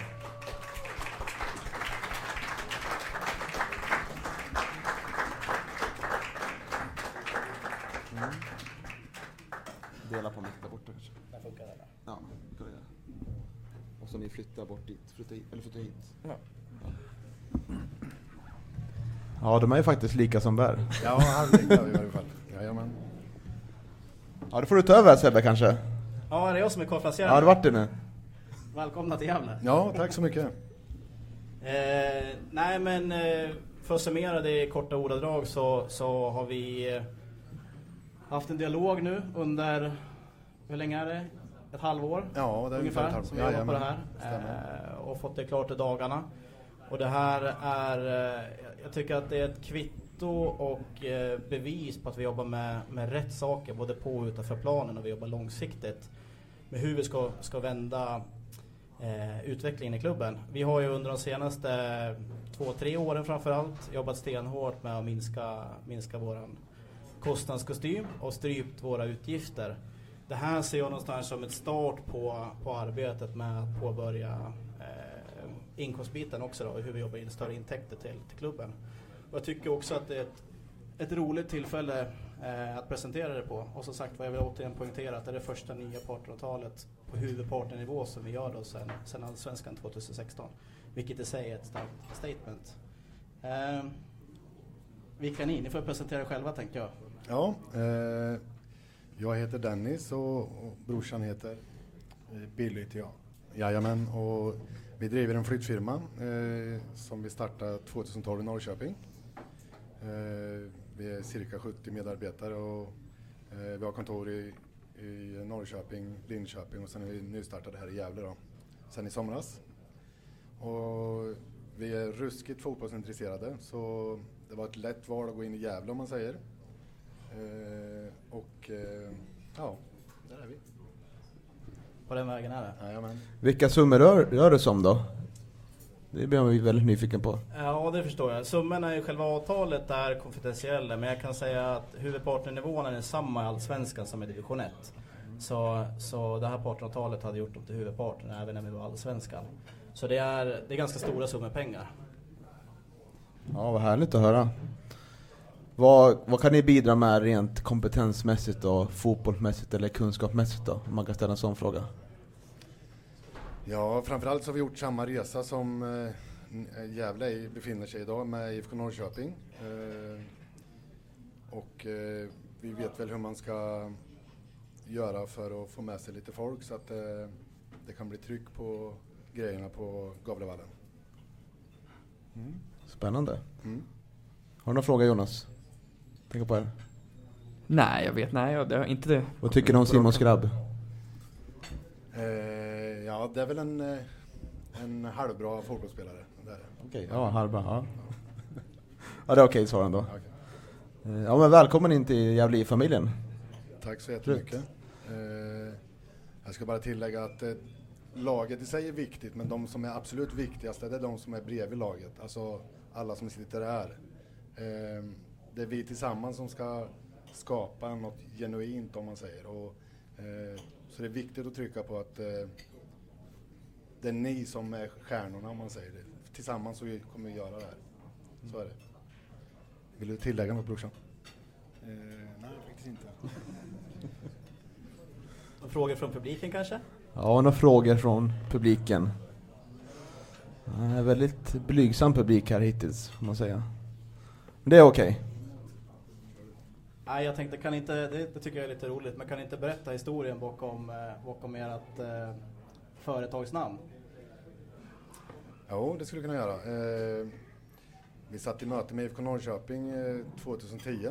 Jag och brorsan var, 2011 tror jag det var. Vi eh, satt i möte om hur vi skulle få dit mer folk och efter mötet så frågade grabbarna i Norrköping om vi kunde vara med och flytta deras kansli eh, några hundra meter bort. Absolut, sa vi. Det är självklart vi kan göra det. Och eh, vi höll på där i två dagar. Eh, och sen när vi bara kastar skåpet kvar så står vi och pustar där, jag, brorsan och han som var tränare i IFK då. Eh, och då säger brorsan till mig, "Hörru du, eh, vi ska öppna en flyttfirma.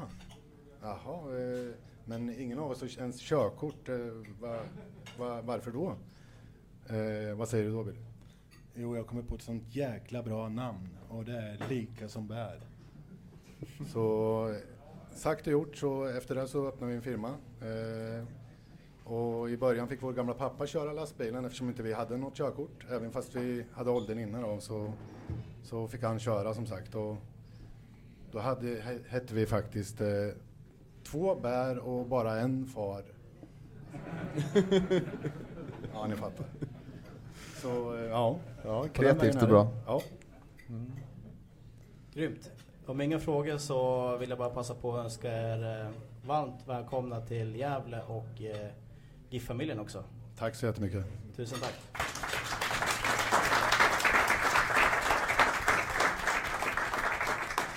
Ja, vi tackar ju Sebastian och Jonas med en applåd också, så tar vi lite musik och sen lite quiz.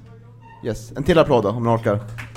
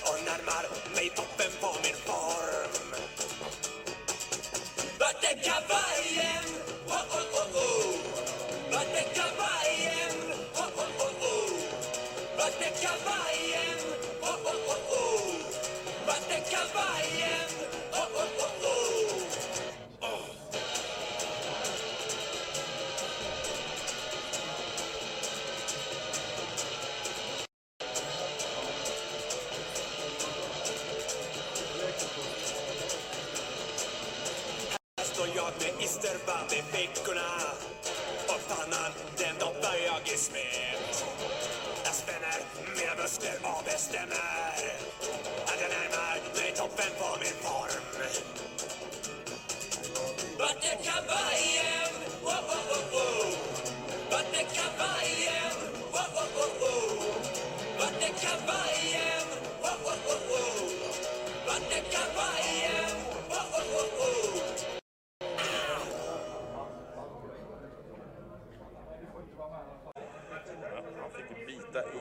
Konstgräset.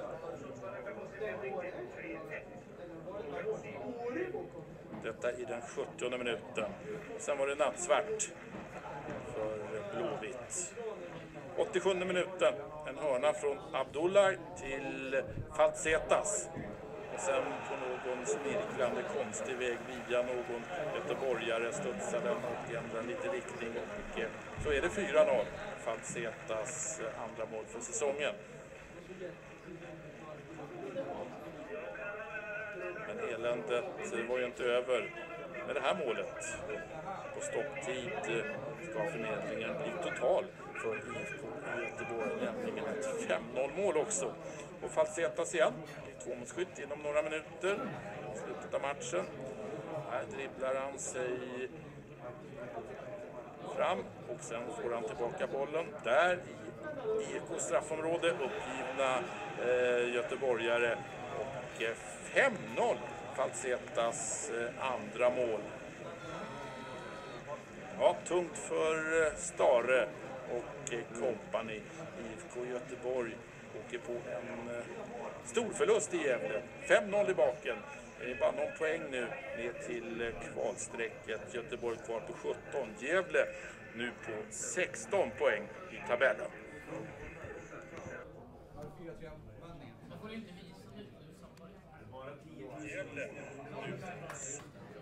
Sådär, då är vi lite glada av gammal nostalgi. Det behövs alltid. Nu ska vi gå igenom quiz nummer ett, allmänt quiz. De flesta har kanske gjort det, men jag tänker vi läser frågorna ändå, får man fundera lite extra. Fråga nummer ett. Vilken moderklubb har följande Gävlehjältar? Man får alltså ett poäng per rätt svar. 1. Mattias Voxlin 2. Pelle Olsson 3. Berre Hellman 4. Jonas Lanto 5. Mattias Hugosson. Alltså fem spelare vi ska ha moderklubb på. Mm. Fundera lite. Nummer två är vilken Gävlespelare, tidigare eller nuvarande truppen, föddes i följande ort? Också är en poäng per svar. Riktigt svårt här faktiskt. 1. Montevideo, Uruguay. 2. Pomona, USA. 3. Korskrogen, Hälsingland. 4. Falkirk, Skottland. 5. Hamburg, Tyskland. Fråga nummer tre. En bror till en nuvarande svensk landslagsspelare har representerat Gävle. Vem? En poäng för rätt svar där. Fyra. Vilken annan sport, förutom fotboll, förknippar du med följande tidigare Gävlespelare? Och det är en poäng per rätt svar. Patrik Putte Eriksson, född 1969. 2. Gustav Gugge Östlin, född 1972. 3. Lennart Ellemä, född 1954. 4. Bernt Bempa Eriksson, född 1942. Och 5. Olle Åberg, född 1925. Fråga nummer fem. Hur många tränare hade jag... Hur, hur många poäng hade Gävle tagit efter de fem första matcherna med Poyars Baggi som tränare? En poäng för rätt svar där. Nej, alltså ett poäng var inte rätt svar. Man får, man får en poäng om man, om man svarar rätt på den frågan. Kanske var poäng på en poäng, det vet jag inte. Axel säger nej, okej. Fråga nummer 6. Roger Sandberg fick sparken från Gävle efter en 1-2 förlust borta i Allsvenskan 2016. Vilket lag mötte man i den matchen? En poäng för det svaret. Man får rätt. Fråga nummer 7. Hur såg backlinjen ut i Gävles första allsvenska match 2005? En poäng per rätt svar. Och en utslagsfråga då. I vilken minut kom Mattias Voxlin segermål på straff i den klassiska 4-3-segern över Malmö 2006? Närmast vinner. Kan det den som kan?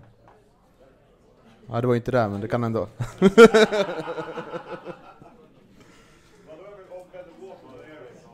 Precis. Nu är frågan om vi ska ta de rätta svaren på de här nu, eller ska vi ta alla möjligt efter andra quizen? Vad tycker ni? Ingen emot. Då tar vi de rätta nu. Då måste jag ta fram dem på datorn. Kan de inte utan till. Det är inte jag som har gjort dem. Stort tack till Jimmy Morén som har gjort quizen för övrigt. Kan en applåd honom.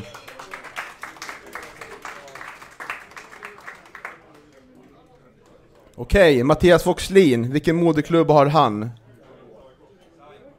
Det är inte SAIK. Det är Högbo AIK, en poäng kan man skriva om man har det. Högbo kan man säga om man är från Sandviken. Okej, och nummer två, Pelle Olsson. Skutskärs IF är rätt svar, en poäng om man har det. Berra Hellman. Valbo AIF. Alltså inte Valbo FF, utan Valbo AIF. Väldigt viktigt. En poäng på det. Jonas Lanto. Kiruna FF är en poäng. Och Mattias Hugosson. Valbo FF är rätt svar.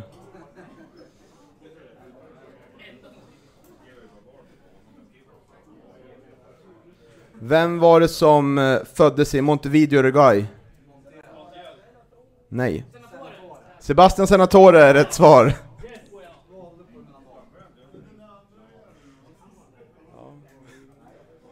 Jag tror Jonas Gutierrez inte var från Uruguay kanske? Han var från Peru, hör vi här. Ja. Pomona, USA. Vem var från Pomona, USA? Eller föddes? Jake Maguire, rätt på nummer två där. Det var rätt svar. Korskrogen, Hälsingland. Stefan Lundin har jag långt borta, helt rätt.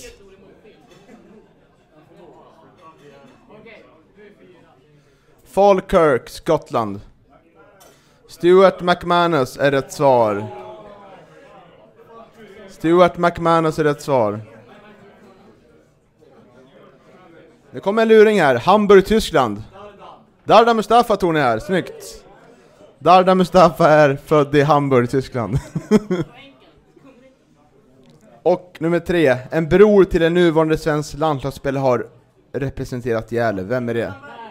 Jonathan Berg. Jonathan Berg är det.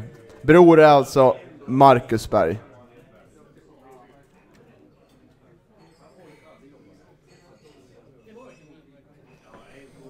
Vilken sport, förutom fotboll, förknippar du med Patrik Putte Eriksson?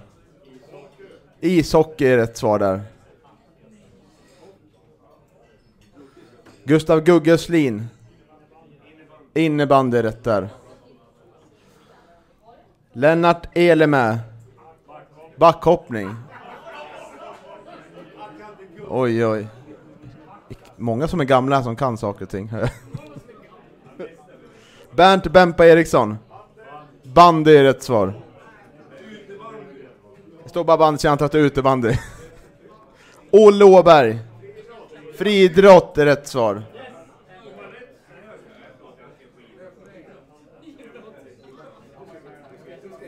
Hur många poäng hade Gävle tagit efter de fem första matcherna med Poyers Bagge som tränare? Tre poäng hade man tagit. Tre poäng med Poyers Bagge. Kanske han gjorde.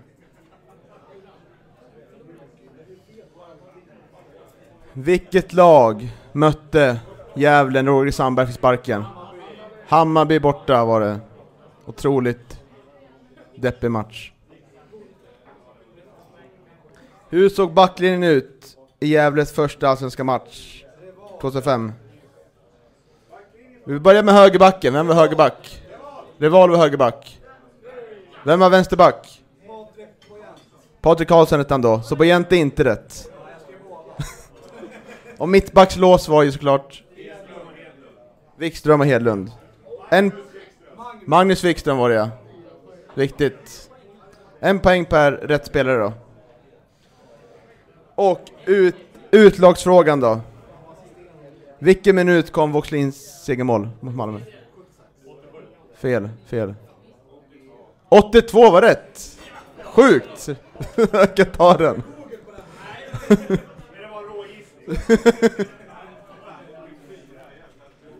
ja. Ja, du fick eh, en poäng tror jag. En poäng på utlagsfrågan. Vi tar nästa quiz om ett tag. Nu är det snart dags för Karin X Johansson att komma upp här. Men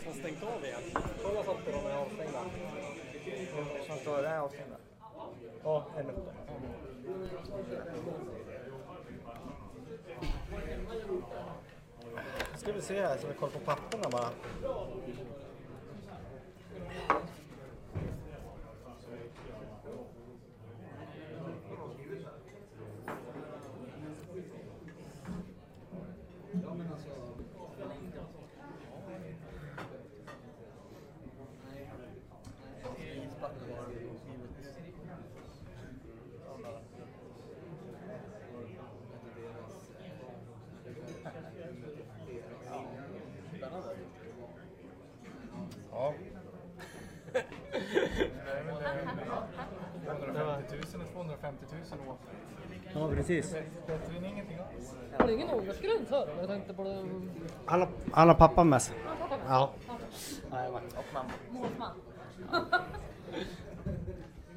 Ja. Där är din dekorg. Min är märkt.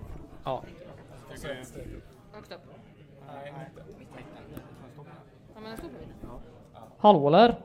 Kolla, det funkar ju. Kanoners, kanoners. Ja, så har vi fått order att prata väldigt nära micken så här.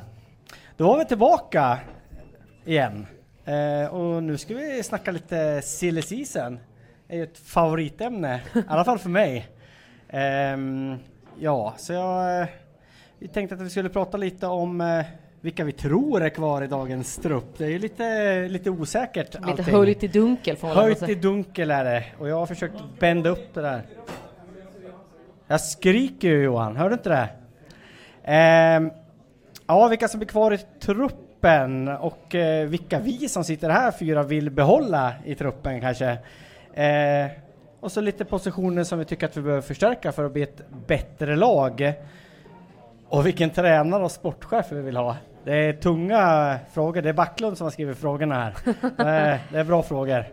Eh, men vi kan väl börja snacka lite om, eh, om dagens trupp då, vilka vi tror blir kvar. Ska du börja Karin? Oj, ja, men jag har försökt reda ut det här med Andreas Dahlén, men han vill ju inte säga vilka som är kvar. Men, så att det är ju jäkligt mäckigt, man vet knappt eh, några som. Men det vi vet då, ska vi försöka reda ut det tillsammans här? Ni Ja. får gärna hjälpa till.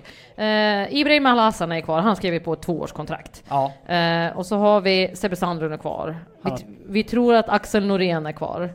Ja. Ja, Louis Kangas. Ja. Ja. Eh, måste vi se. Hjälp till. Adrian. Adrian. Ja, Haranen.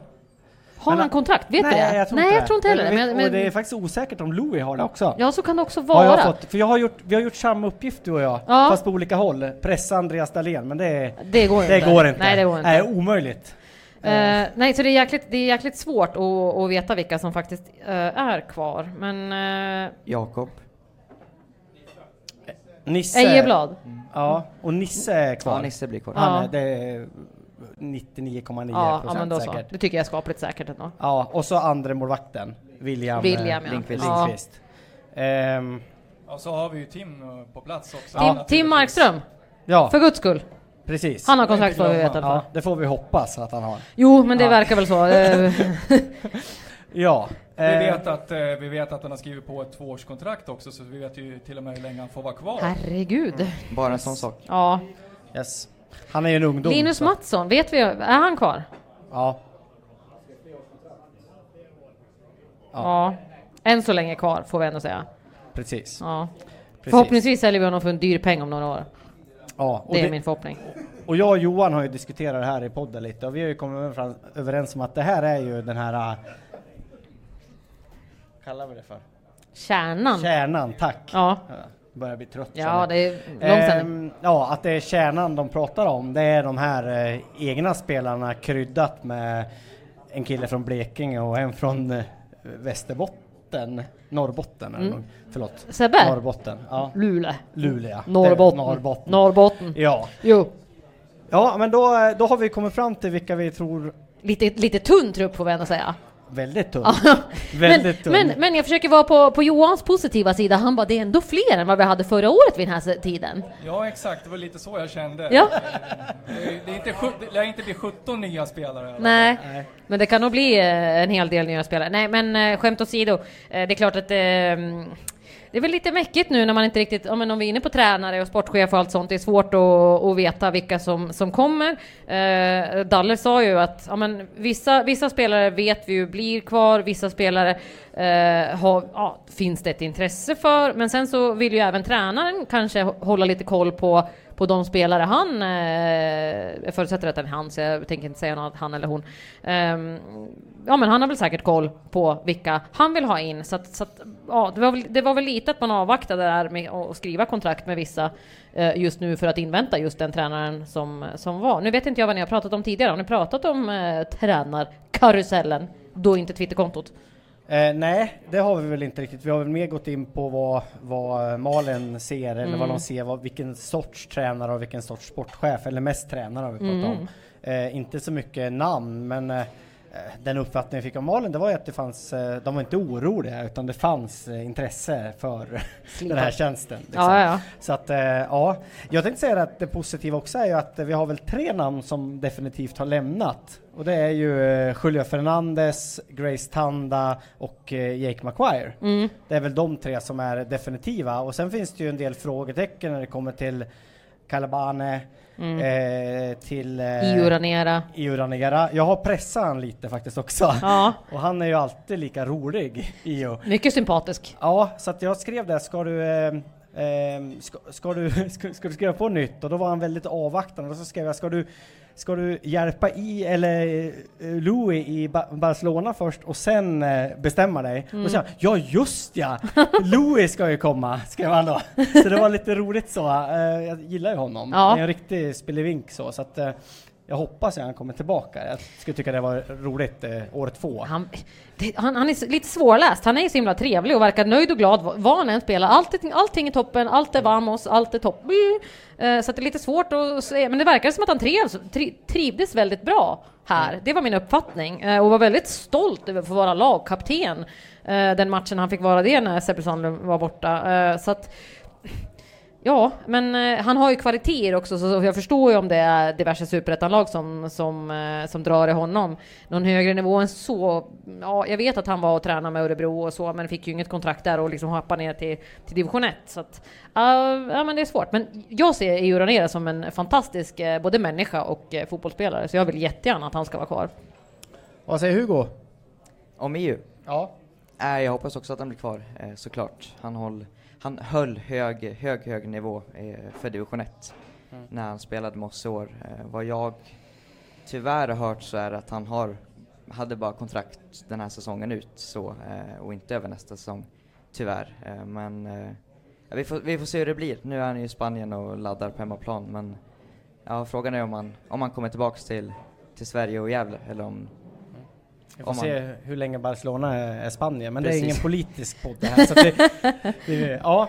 Eh, vi kan gå över till, till Jaja då, eller Calabane. Vi har ju aldrig bestämt oss vad vi egentligen ska kalla honom. Nej, jag det, vet. det är ju Jaja Calabane blir det, och det tror jag är fel. Liksom. Men, men ja, vi, vi är dåliga på det här den här podden och, och faktiskt bestämma vad folk ska heta. För sen säger Johan en sak och säger jag en annan. Ja. Så är det som att det är tre personer. Men Ja, eh, där har jag faktiskt mycket högre förhoppningar än eh, vad jag har med, med Io att, eh, att han blir kvar. Asså? Ja, jag vet inte. Jag har pratat lite och sådär och Oj, oj, dragit i några trådar och äh, det känns eh, där känns det mycket mer positivt faktiskt. Okej. Ja, var det nyheter för dig? Mm, lite så. Jag trodde ändå att han skulle ha några anbud eh, också högre ifrån. Eh, känner ni till att det faktiskt var Pelle Olsson som fixade honom till GIF? Nej. Jo. Här Oj. sitter jag på info. Ska jag släppa det här? Jag gör faktiskt det. Han, eh, de, ha- han hade ju honom i AFC en snabbis och så, eh, så var han lite så här, fick panik och var så här, coach, hade han smsat honom, coach vad ska jag göra, vad ska jag ta vägen? Pelle bara, jag vet ett lag som behöver folk. Så hade han ti- tipsat om Gävle, så att det är så här, skål Pelle Olsson för vi fick Kalaballe. Ja, ändå. Ja, det ja, det tycker jag. Hej. Du menar alltså att Sandvikens tränare värvar spelare till Gävle IF? Han gör, han gör vad han kan. Han gör vad han kan. Ha, eh, ja, vad har vi mer för spelare då? Som är frågetecken. Ehm, Rojas. Ja, just Isa, det. Isak Rojas har ju varit och provtränat, verkar vara i Tyskland as we speak, eh, om man följer hans sociala medier. Han har jag pratat med nu i veckan, eh, just angående att han var i Tyskland. Eh, och enligt vad han skrev till mig så var det inte för något fotbollsmässigt utan bara för att hjälpa en kompis. Ja, Eh, all right. och, att, och att de ska vara på väg tillbaks till, till Sverige och, och Gävle. Eh, men eh, Men, men Det läget som kring är- han är oklart. Ja, det som är farligt med honom är att han faktiskt inte trivs på högskolan. Han pluggar ju på högskolan men trivs inte på högskolan. Eh, han tycker inte alls att det var något kul. Så det är väl eh, en nackdel då, om man ska se till att han ska bli kvar. Men, han, men återigen, där sa ju Dahlén också att han trivdes väldigt bra och han vill gärna vara kvar. Men han har också fått lite anbud från andra håll och då sa Dahlén, vi kommer inte stå i vägen för honom om han vill högre upp. Vilket är the jävla way, får man väl säga. Ja. Men, men eh, vad jag har luskat fram så ska ju han ha eh, inte ett ettårskontrakt utan ett tvåårskontrakt. Och då är Mhm. frågan om Gävle släpper honom honom gratis då för att han inte trivs eller att man faktiskt kräver en summa. Giffa, jag tycker ändå ej att- swish-shows. Har ni swish? Ja, ja, men jag tycker ändå att han har summor. varit så pass bra i år så att vi faktiskt kan ta betalt för honom. Mm. Ja. Eh, Som mittfältare att, eh, eller som forward? Vad säljer vi honom som? Ja, alltså jag är, det här, usch, jag har ju hela säsongen bara, nej, jag ska vara offensiv mittfältare, men jag har faktiskt, jag ger mig. Ja. Rojas kan spela forward, han Ja. har gjort det bra där. Jävla fin jag, eh, jag backar. Ja. Vad säger du? Du har också tyckt att Ja absolut, vad, vad, vad landar det på eh, i slutändan i målproduktionen var väl eh, Åtta, nio, nio, var det nio? Ja. mål så att eh, det är lite svårt att, att, att säga emot och, och tycka att han ska spela på mittfältet då kanske så att eh, jag backar precis som Andreas där och tycker att, att han duger absolut som forward. Ja, sen är det ju det du sa om högskolan, för det sa han redan i den intervjun jag gjorde med honom att han eh, han var ju väldigt negativ till, Ja, till det. var att inte alls det- positiv. Nej, men det finns ju distansutbildningar har jag hört. Så Ja. att, han kan väl eh, Skicka en massa sådana då. Ja, precis. Ja, men det är ju en spelare som jag tycker hade en otroligt fin utveckling och eh, är spännande. Så det är klart att Mm. han, han, vill han vara kvar i Gävle så eh, Ja men det är bara att tacka ta emot. Ge han lite mer pengar så kanske han blir kvar. Ja, om det var det det landade i. Jag tänker så att de har inte så riktigt så mycket pengar att ge. Eh, men, eh, men just det, om vi tittar på det. Eh, om Rojas försvinner och så har Julio och Grace Tanda försvunnit. Vad har vi som forwards? Alassan. Men Nisse är ju högerwing. Nej. Nej. Nej det är han inte. Han är Nej, jag vet. Men... eh, Just det, Ibrahim Al-Hassan har vi också. Ja. För annars ser det väldigt tunt ut på forwardsidan. Där behöver det ju förstärkas, Ja, helt klart. om man då inte skickar upp Nisse igen, för då, men då har vi ändå två. Men jag, jag vill att man ska, man ska slopa det här med wingbacks, alltså så ska man gå till en, en, eh, en 4-3 vill jag ha. Det har jag tjatat om nu ganska länge och då tycker jag att Nisse passar ute på, på högerforwardsplatsen om man säger så. Men det är klart att vi måste ju, Grace måste ju, vi måste få in en, en målskytt där, eh, den som Grace var ibland förra säsongen. Eh, Ytterst, ytterst sporadiskt. Ja, jag tänkte att jag skulle vara lite snäll. Ja, men- jag har inte några sådana problem. Nej, men, eh, men eh, ja, nej, men jag skulle vilja att man spelar ett 4-3-3 istället och eh, att man utgick därifrån. Ehm, så att, ehm, nej, jag tycker också Vards och eh, beroende på hur EU eh, resonerar så är vi tvungna att få in en, den mittfältaren som faktiskt kan styra spel också. Eh, Sebbe ja, gör det också bra tycker jag. Men Kanske han i den har ju haft, men- haft mer en defensiv roll ändå. Ja, det beror på vart vi, om Jaja blir kvar då vart vi ska ha honom. Exakt. För spelar han på defensiven kan ju kanske Sebbe ta, ta eh, Raneras roll. Men en, Mm. en ny innermittfältare är ju tvunget också. Det känns mindre straffbenäget att ha uh, Jaja på mittfältet. Han har orsakat en och annan penalty så att säga. Ja, men så blir det. Man, man har man det spelets man och så sviker alla andra, då är man ju tvungen. enkelt. han är väl ändå inte värre än Nathan Sansara? Nej. True, true that. Nej. Nej, det var ju en poäng faktiskt igår. Varför typ, fick någon typ av utmärkelse i Norge här? Ja, det var obegripligt. Typ bästa utländska backen, något jag bara, Norge har, måste ha haft en utländsk back på hela... Ja, ursäkta Nathan, men eh, här i Gävle var det väl bästa tedrickare eller något sånt där. För han var ju, han eh, var ju ett bekant ansikte på de eh, många kaféer i stan. Alltså jag Ja. får ångest från förra, alltså den säsongen som var nu. Nu ska ni liksom ta upp säsongen innan också. Det blir liksom eh, riktig Ågren nu känner jag. Ja, Eh, nej men vi får gå tillbaka till truppen helt enkelt. Um, Ja. Eh, Frej Engberg, vad vet vi om honom? Ytterst lite. Ja. Mm. Verkar bli PT någonstans. Han håller på mycket med sånt. Mycket vältränad. Men jag tyckte ändå han gjorde de två sista matcherna när han faktiskt spelade igen så tyckte jag han gjorde väldigt starka insatser. Och sen kan ju inte jag svara på varför han inte har spelat mer än han har gjort. Men jag, jag tycker ändå att Men det var han... ett hopp på 15 matcher där han inte Ja. knappt var med i truppen. Ja, men alltså, han vann tillbaka mig lite där på de där matcherna, för jag tyckte ändå att han, han såg stabil ut och, och bra passningsspel och sådär, så då blev jag lite sådär, men han vill jag nog ha kvar. Mm. Liksom. För att kan, han, kan han fortsätta på det spåret och han kanske får spela vänsterback istället för vänsterwing, då tror jag ändå på, på Frej. Jag ser inte honom som någon mittback som han värvar in honom, utan jag tycker att han, han är en kant eh, en kantspelare. Liksom. Har ju något jobb på If också. Man måste tänka på det sociala också. Ja, jo. Jobbar ju på If, If Försäkringar och är någon sorts eh, försäkringskille. Ja, och då finns det jättemånga försäkringsbolag som man kan välja istället för If, så att eh, alla Ja. vet. ja. Eh, Är det public service? Nej, men jag, håller, jag håller med dig om Frej där alltså, och jag tror att eh, om man nu inte vill att vi ska byta ut så mycket spelare så, Mm. så tycker jag absolut att vi, eh, vi ska ha Frej kvar och, och ge honom chansen även nästa säsong för att eh, som sagt eh, jäkligt fin avslutning och vilken jäkla inställning han hade de två sista matcherna. Eh, riktigt imponerande. Mm. Riktigt bra mot Sollentuna var han. Så eh, jag vill gärna ha Frej kvar. Ja, det hade varit guld att haft hela backlinjen egentligen kvar, att Mm. man inte behöver stoppa in någon ny där, för jag tycker ändå att eh, det finns en väldig potential. Det är unga spelare där och de utvecklas hela tiden. Så att eh, gärna att, att alla i backlinjen blir kvar liksom. Mm. Ehm, ja. Jag ska, jag tänkte jag skulle dra fram truppen här nu så jag får se den. Eh, så vi kan diskutera. Ja, Måns. Mosse, ja. Men Måns ska ju vara kvar. Ja, Måns måste vara kvar, ja. ja. Ja, Det finns ju en, eh, det finns ju en utvecklingspotential där. Eh, Han är inte så lik pappa sin tycker jag. Han är mycket mer teknisk och...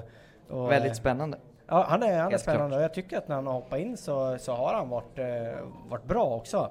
Ehm, det är som Linus Mattsson också. Eh, sen har vi kritiserat lite att man har slängt in eh, Linus kanske i, i lite för viktiga matcher och i matcher som liksom, jag menar killen är 15-16. 15-16 år. Han fyllde liksom. 16 i augusti. Ja, han har ju en jättepotential men man kanske inte ska utsätta honom för för för stora prövningar i, i matcher som, och särskilt som wingback som han också spelar, som han, kanske inte är hans position. Nej, det var väl mot eh, forward va? Eh, borta. Eh, som vi, vi tyckte att, eh, att eh, vi kastade hon, in honom lite till lejonen där, eh, verkligen. Och, eh, eh, nej, han, eh, det var en svår match för honom då och eh, det är nog kanske någonting man lär tänka på till, till nästa säsong att man, matchar honom i, i, i rätt matcher så att säga. Annars Linus Mattsson stor favorit hos mig. Och vilken fantastisk pojke. Oj, oj, oj. Att, att vi ens får se honom nu. Jag, ser, jag ser enorm potential i honom. Eh, det kom, han, får han vara skadefri kan han gå hur långt som helst. Och då ska vi vara tacksamma att han har valt att vara i GIF. Ett riktigt unikum. Ett uh, whiskid också. Eh, så otroligt smart. Ja, jag gjorde ju mot Nyköping borta i premiären så gjorde jag ju intervju med Linus och det var väldigt roligt. Liksom. Ja. För man, man är ju van, jag vet inte, från Allsvenskan och Superettan så har ju inte jag intervjuat så mycket spelare då men, men att, att folk liksom de har filter eller de, Mm. de är liksom De vet vad de ska säga och det är liksom men det har jag tyckt varit jätteintressant, särskilt med, med Linus och andra. Det, det finns inte de där filtren. Nej, nej, De nej. är inte vana liksom att göra intervjuer, vilket gör att det blir mycket, mycket roligare att göra Definitivt, definitivt. Och, och han var ju jättenervös när jag stod där med en mikrofon framför honom, Men. 15 år gammal liksom. Men herregud, nu är han Ja, mål i sin första division 1-match. Hur Ja, lugnt som helst. Ja, så är det ju. Ja. Eh, Men om vi går vidare på mittfältet. Jag vet inte, eh, jag har hört rykten, undrar om de ryktena är från er, men Sherko Faiki, som jag gillade väldigt mycket, som hoppade in. Men eh, är det du kanske? Var nog jag. Ja. Han vann sig med slutet där i sista Ja. träningen innan, innan semestern fanns han med och tränade på Galvallen. Något överraskande måste jag säga. Ja, sen är ju han, han är ju från Luleå från början också, så att han känner ju Sebbe Sandlund Precis. väldigt, väldigt väl. Så om det var någon kamratgrej eller om han faktiskt var här och, men jag fattar inte det här att han skulle provträna för jag menar det borde man ju ha sett eh, innan vad Han han, borde ha rätt bra koll på honom Ja, men det kan man tycka. efter en halv. Men han, ja, vad jag vet så blir han väl inte kvar i Sirius så det är, så länge han inte skriver på för någon annan klubb så kan man ju gå runt och. Ja, för att inhoppet han gjorde mot Sandviken när han kom från ingenstans och stod med i lagställning och ingen fattade någonting. Så bara, vem är det här? Och Mackan Bengtsson kunde knappt säga, jag vet knappt, sa han. Men ja, han är bra. Eh, och han var ju faktiskt fantastiskt bra och de matcherna han gjorde i, i Gävletröjan var han ju faktiskt väldigt, väldigt bra. Eh, jag sitter och går igenom namnen här. Kevin Persson. Ja, Kon- kontrakt? Ja. ja. Han är klar. Ja. eh, Kevin också, men det är ändå kul. För jag tänker det också, man vill ju gärna bygga någonting runt de lokala grabbarna. Vi har varit inne på Måns, vi har varit inne på Albin Loe Kangas. Det är klart, om man kollar på, på GIF från ja, men, de som gick upp i Allsvenskan, det var ju liksom det här kompisgänget i princip, eh, där alla kände alla, alla var i, i princip från distriktet. Någonstans där vill man ju ändå gå tillbaka på något sätt, eh, åtminstone ha lite folk. Räcker du upp handen? Jo, det är klart att det är en helt annan generation så, men, eh, men ändå, någonstans så tycker jag liksom att vi måste försöka hitta, om, om, om, om GIF ska liksom utmana Brynäs någonstans om publik så känns det som att, för i hockeyn kan vi trolla fram hockeyspelare på hockeyspelare eh, som är lokala, som kommer från Huge, Hille och allt vad det är. Varför får vi inga fotbollsspelare som är lokala, som kommer från Huge och Hille? Hugo, från, som är från Hille. När kommer nästa talang? Ja, när kommer han? Hur gammal är du nu? ja, precis. Nej, det dröjer något år till på mig i så fall. Nej, men det är bara att hoppas att det, att det kan börja komma. Eh, Så att det finns en lokal anknytning så man kan gå och kolla Precis. på Kerstins pojk. Så. Det är det man vill för att då, då finns det en lokal anknytning. Man tycker, åtminstone när vi är på den här nivån. Om vi går upp till en högre nivå, ja då blir det en annan diskussion. Men, men just nu känner jag att någonstans måste man bygga upp eh, en lokal förankring. Kunna känna en tillhörighet till laget. Exakt. Ja, om jag fortsätter med Perssons pojk då, Mm. Kevin, så måste jag ju ändå säga det att... eh, Perssons pack. Perssons pack, nej de är från Bollnäs de som mig. Eh, nej men eh, eh, då måste jag ändå säga att eh, Alfta, förlåt, precis. Eh, Hälsingland. Per bor i Bollnäs just nu. Nu kommer vi in i en helt annan diskussion. Men om vi går in på, på Kevin Persson så, så tycker jag i, i, i skuggan av Louis och kanske Rojas så tycker jag ändå han, han har tagit små men stabila steg framåt hela tiden. Jag vet att vi var lite kritiska mot honom i, i början där men jag, jag tycker att han i viss, vissa matcher på slutet så var han bland de bästa liksom.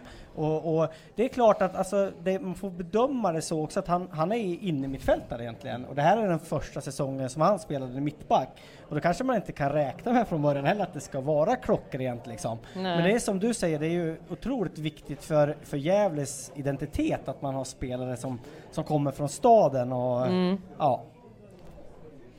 Ja, eh, jag eh, såg också, vem var det som... Jo, men jag tänkte på det. Nu har de ju släppt eh, Samuel Gussman och Jak- Jakob Hjelte ifrån eh, Sandviken. Hur känner ni, GIF-pojkar, över att få eh, tillbaka en eventuell sån? Är det något man vill ha tillbaka? Eh, fin- finns det tillräckligt med kvaliteter? Jakob Hjelte har ju fått chans på chans på chans, men det händer inte så riktigt mycket för Jakob. Eh, vad känner ni? Ja, alltså eh, det är ju lite jobbigt det där också för att det är ju två spelare som faktiskt har valt att spela Sandviken och eh, jag vet inte, det skulle... Är man, är liksom, är man banned från GIF ja, då? man är lite banned Ja. faktiskt. Eh, Så, så kan jag faktiskt känna. Och jag tycker inte att de är kanske tillräckligt bra heller för att eh, jag ska liksom eh, Nej. ta, ta bort Stå dem med med öppna armar. Öppna armar, nej. Men jag, jag känner ändå i Hjältes fall så, så vart han utlånad till Sandviken. Vi var Mm. i, i två olika serier då och han, han platsade inte Nej. i Gävle. Så där kan jag väl känna att, att visst, liksom, på de premisserna som Johan pratar om så tycker jag ändå att han han, om han är tillräckligt bra, Mm. skulle kunna gå tillbaka. När det gäller Gussman så valde han, han hade kunnat bli en bärande spelare för Gävle IF den här säsongen. Och där tycker jag att det är en annan grej, för han valde att gå från Mm. GIF liksom, till någonting annat. Han behövde en nytändning. Precis. Mm. Och, så där är jag väl mer liksom kritisk. När det kommer till Hjälte så, så ja, med de ambitioner jag har, och jag är supporter för Gävle IF, så kanske han skulle vara tredje eller fjärde forward i min eh, bok. Och då tycker jag inte att det är bra för Jakob. Nej. Nej, utan han behöver ju spela fotboll liksom. Och, Han skulle behöva gå kanske- till Åbygge och spela där och få upp självförtroende lite en tror jag. division 2-klubb kanske? Ja. Eller Hudik liksom. Det finns ju inga division 2-klubbar i det här Ja, distriktet. men Hudik. ja. Ja. Skeppa iväg dem bara. Ja. Kolla, här kommer en eh, potentiell... eh, En tränarkandidat. Ehm, men ska vi lämna truppen och, gå över till tränare? Ska vi göra det? Så lämpligt! Jag tyckte det var en jättebra brygga Ja, nu. visst, ja, visst. Tack Karin. Ehm, ja, vad säger du om, eh, vi ska börja med tränare då? Ja. Ja, eh, m- nu var inte du här. Men Malin sa att det fanns eh, kandidater och att de var intressanta. Mm. Vad jag har förstått så finns det väl runt fyra kandidater. Eh, en kanske traskade in här för ett tag sedan, vad vet jag. Eh, men eh, ja, det har väl pågått intervjuer och så här i veckan som har varit. Men samma sak där var ju Dahlén väldigt tydlig med att det, det, det, för träningarna drar igång igen 7 januari och då sa han det viktigaste är inte att tränaren är på plats den 7 januari, det viktigaste är att det blir rätt. Så att här är man ju tydligen väldigt, tydligen, men här är man ju väldigt noggrann i sin, eh, i sin eh, rekrytering. Ja, och Dahlén är ju så hemlig så han vill inte ens berätta vilka det är som rekryterar. Det tycker jag är intressant. Nej, jag vill inte berätta vilka det är som eh, kör eh, frågorna. Eh, favoritfärg och sånt där annat man Ja. pratar om på, på vid rekrytering. Eh, skulle Fast Hugo hade väl luskat ut vilka det var va? Ja, jag kan nog också det, namedroppa det några. var ju han själv och Jörgen Öbrink Eh, ur, exakt. ur styrelsen som satt Ja. med det. Ja, okej. Okej. Mm. Ja, eh, vad säger Hugo? Du är lite insatt. På tränarfrågan? Ja. Ja, nej men jag, det är som Karin säger, vi har så står det mellan fyra, eh, eventuellt fem eh, namn eh, som är kvar och är, s- eh, inför en sista utgallring då kanske. Eh, eh, två namn har jag hört talas eh, om, liksom fått till mig. San, sannolikhetsgraden på de båda säger ingenting om det så, men två namn har jag hört. Eh, och det kommer helt klart bli väldigt intressant att, att följa och se. Jag tror att eh, det nog ska kunna komma och bli klart någonting innan jul i alla fall. Vad, utifrån de prognoserna jag har hört eh, så eh, närmar det sig slutet. Mm. Frågade en av eh, tränarkandidaterna, ser inte det här som ett självmordsuppdrag? Eh, men det gjorde han inte, så det tyckte jag var kul ändå. Eh, så tänkte jag, då finns det hopp. Eh, så att, nej, han såg det mer som en utmaning, som de brukar säga, så fint. Eh, ändå kul. Nej, men känns, så känns det väl tryggt det An- Andreas sagt till dig att det är viktigare att det, det får ta den tiden det tar och att Ja. det blir rätt. Jag menar det finns ju, det finns ju tränare i U19 och, Mm. och eh, en satt här, akademiansvarig och sådär innan så det finns Mm. väl de som kan sätta igång en träning i, i alla fall. Jo, Så jo. att det- Ja, herregud, jag kan ställa ut kon om det ska vara så, liksom. Ja, ja, Ja, ja. ja. Du tror inte att det är mer eh, avancerat än så? ja, det är bra Karin. Jag har sett alla Vän med bollen på VHS. Vän med bollen i kvadrat, Vän med bollen... Nej, men jag har sett så mycket Vän med bollen på VHS. Herregud. Eh, typ tränarutbildning 1. Ja. Nej, men... Eh, ehm, som sagt, det finns några namn. Det finns... Eh, ja... Vi får väl se helt enkelt vad som händer här framöver. Eh, jag kan inte riktigt, jag vill inte, jag vill inte namedroppa dem som jag vet för jag tänker att äh, det får ni lista ut själv. Ehm, för ah, vi har säkert samma, tänker jag. Jag tror det. Troligen. Jag tror det också. Hade du också två namn? Ja, jag har också två. Ja, okej. Ja, bara två. två Ja, men. Elda, din favorit, han kan vi stryka. Han har skrivit på nytt för, för SAIK. Har gjort Ja, det? Han eh, right. har en klausul som gör att han får lämna. Eh, men jag kan säga att han inte är en av mina två namn. Nej. Nej, Okej. så mycket kan jag Nej. säga. Eh, de, har- de har ju fört samtal nu i veckan i alla fall så att eh, en förhoppning är väl att eh, tränaren i alla fall är på plats innan den eh, 7 januari. Precis. Mm. Kanske blir det en god jul alla jävla fans. Här får ni en julklapp. Jag bjöd in Dalle hit till det här ikväll Mm. genom Facebook. Så, här. så han kanske glider in om en halvtimme och berättar vem det blir. Vi kan ju, kan ju hoppas. Kanske släpper en bomb. Ja. Ja. Eh, sportchef då? Det har blivit väldigt tyst om, eh, om sportchef. Det var mycket snack ett tag och sen eh, tycker jag att det har eh, Jag trodde sportchefen skulle komma in först och sen rekrytera Ja. tränare, men nu verkar det som att det är så här, nej det är ingen stackars själ som vill ha det här sportchefsjobbet, så vi hoppar direkt på tränare. Ja. Ja. Nej, jag vet ingenting. Verkar väl lite som att det inte riktigt är någon sportchef på det sättet som jag tror många ser en sportchef som. Att det är ingen sån som kommer komma utan nu är det mer en sportsligt ansvarig. Mm. En som kommer ha, ha hand om A-lag, dam här, bredd och akademi. Det är ganska mycket att hålla koll Precis, på. det är, Och ingen det, är väl, det är ingen sportchef för herr A utan det är en för hela klubben. och det är ganska mycket jobb man måste lägga ner då. Precis. Så att, Vilket gör, tror jag, att eh, my- mycket ansvar kommer ju ligga på tränaren också. Att det kommer att bli som det har varit den här säsongen. Men den här säsongen kanske det har varit ännu mer extremt. Mm. Så att det kanske blir lite avlastning för, för uh, tränaren i alla fall. Eh, för att jag, jag ställde den frågan till Malin också och sa att man, man måste kunna kombinera den här tjänsten med familj. Liksom. Att man, man kanske har två barn och fru, man kanske vill se dem någon gång också. Liksom. Och det är ju ett, ett, eh, ett arbetsmiljöproblem i så fall om man bränner ut folk. Liksom. Jo, det har vi varit med om tidigare. Ja, Mm. men jag tyckte hon, jag fick, eh, jag fick bra svar att Mm. de hade kollat på det och, Ja, och så. så det kändes ändå tryggt. Yes. Ja, är det någon i publiken som har några frågor? Hasse? Hasse Basse! Ja.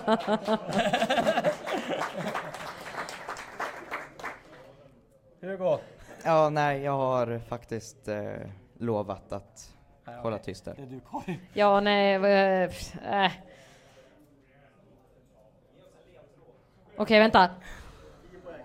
Så, nu har jag gett en ledtråd. Eh, ja, precis. Nej, det blir inga namn, eh, det kan jag inte säga. Men däremot så tänkte jag, men jag såg, eh, jag tänkte på potentiella liksom nyförvärv så. Har ni några namn där? Spelmässigt? Johan Oremo. Det jag kan säga om Johan, eh, jag som har gjort intervju med Johan nere i Halmstad, det är väl att han trivs otroligt bra nere på västkusten.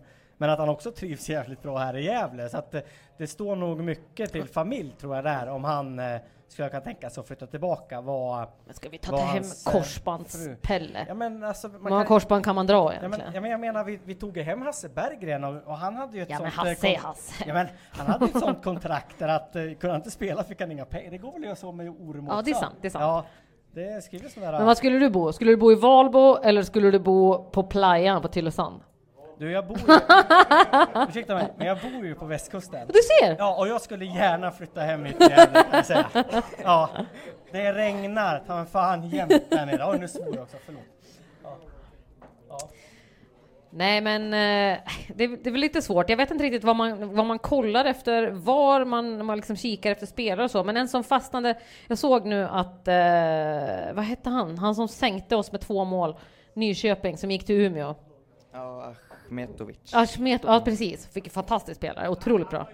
Nej, han får inte komma. Eh, men däremot en annan som imponerade väldigt mycket på mig var i sista matchen mot Karlslund hemma, eh, Justin Salmon. Vilken, vilken lirare! Mm. Plocka hit han på en gång. Ja, men så kände jag också. Ja. Det, jag har sett, Fantastisk. Såg, eh, ja, han dominerade. Jag var på eh, Järnvallen eh, och såg Sandviken. Ja, ja, tyvärr så var jag tvungen. Eh, och eh, han dominerade då också Ja. mot Sandviken. Han var ruskigt eh, duktig. Så att, eh, det är en spelare som eh, jag också skulle vilja se i Mm, Gävle. verkligen. Sen är det samma sak, jag är så dålig på namn. Eh, eh, den här killen eh, som spelar i forward, eh, som, som sänkte... Som sänkte ni bråkar med. Nej. Nej. Inte, det är så många som är persona non grata för de här. Jag vet Ja, inte riktigt hur vi ska göra då. Vi behöver ju bra spelare. Men jag tyckte han var lite rolig. Och desto mer ni buade åt honom, desto bättre blev han ju. Det var ju verkligen så.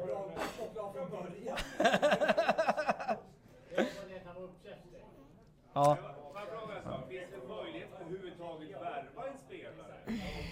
Värva och värva? Nej, alltså inte, inte för pengar skulle jag inte tro. Ja, Det är jag helt övertygad om. Ja, vi får väl se. Eh, Alltså att, att Gävle har ekonomiska problem, det är väl liksom ingen hemlighet. Så att man liksom skulle eh, värva en spelare som står under kontrakt, det ser jag väl som omöjligt. Eh, Men, men herregud. Inte vet jag. De kanske har så tur så att det är en sån som Isak Rojas som ringer igen och är såhär, hej hej, jag vill också spela fotboll i GIF. Jag börjar på högskolan. Ja, Ja, som tydligen är, röv. lite. Ja, ja, precis. Så att, ja, jag vet inte riktigt. Du Karin, Mm. hur trevligt det än är att prata med dig, för det är det alltid, så eh, sitter Niklas och pekar på sin klocka där nere nu. Ja, vi måste Ska Niklas ha quiz nu? Ja, nu ska han ha eh, quiz. Nej, men Nej. Eh, vi rundar av lite. Eh, Ja, vad har vi kommit fram till? absolut ingenting. Underbart! Precis som vanligt i Gävlepodden.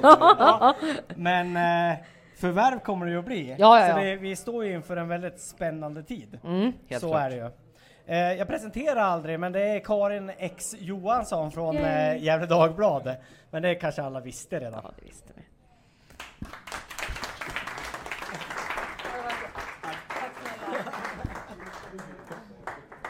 Prata, prata, prata, prata, Ja, du och jag är Ja, inne fan. på det där. Ja. Jag tror Johan är sjuk, så han vill inte prata så mycket. Han tyckte det var bra.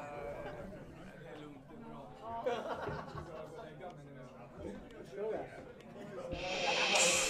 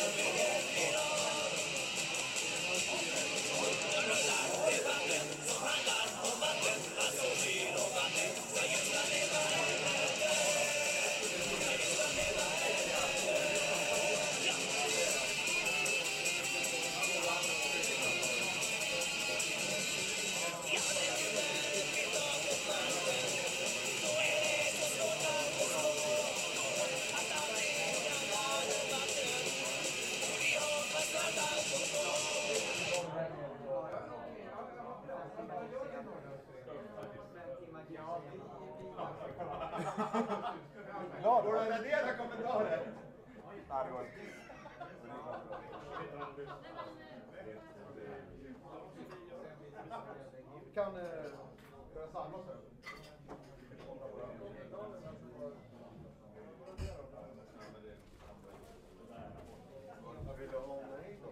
Har ni matchat korten ikväll grabbar? Ja, visst. Var det slumps eller var det annat? Ja, jag tänkte köra bartröjan, men då sa han korten. Ja, jag förstår att han sa det. Det är slump. Jag vet var du bor. Ja, just det. Jävlar. Ja, men det kommer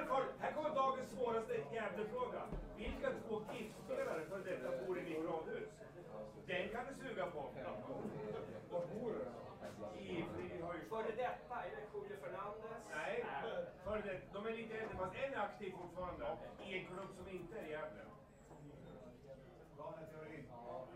Nej, det är en klubb som, som är i samma serie som Gävle. Han är dessutom lagkapten i det laget.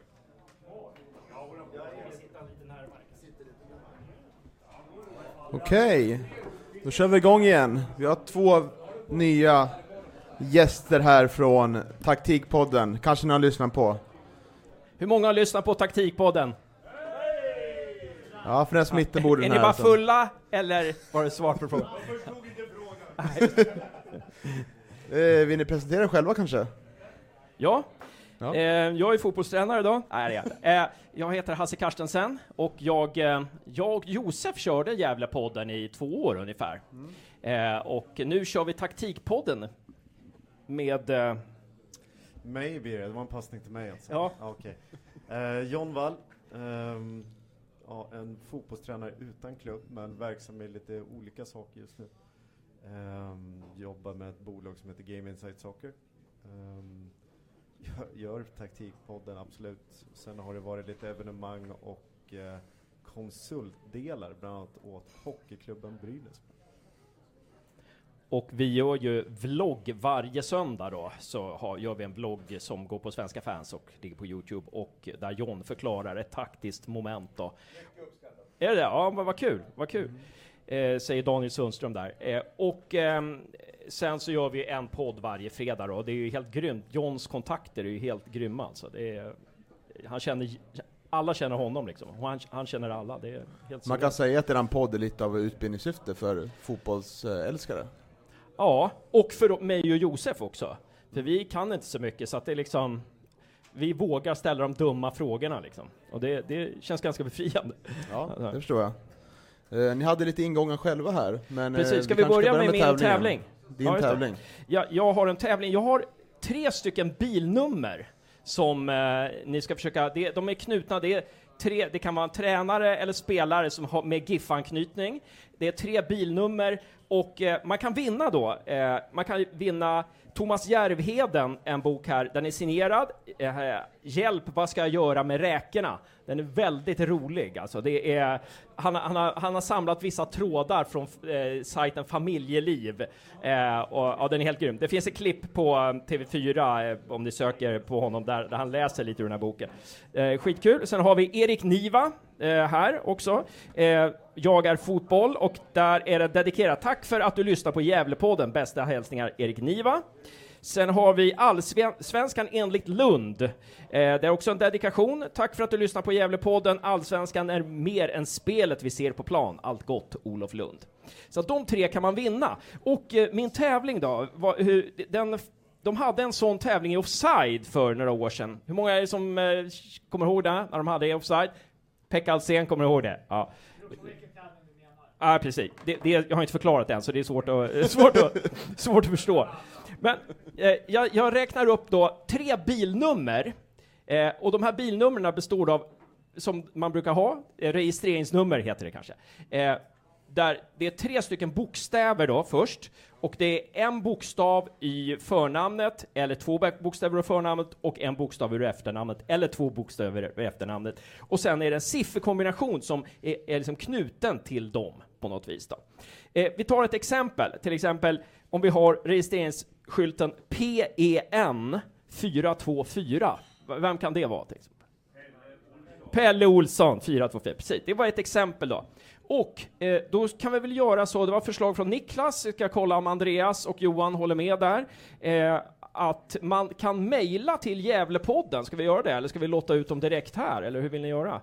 Um, ska man mejla svaren till Gävlepodden, eller?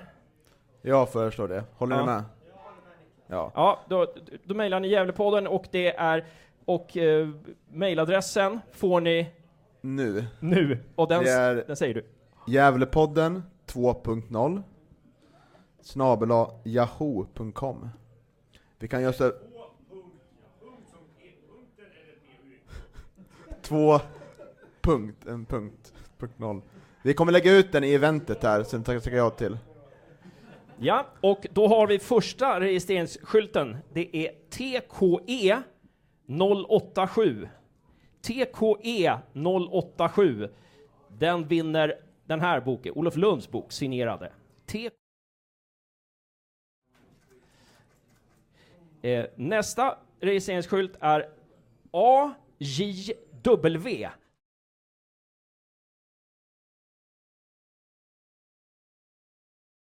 AJV, nej W bara. AJ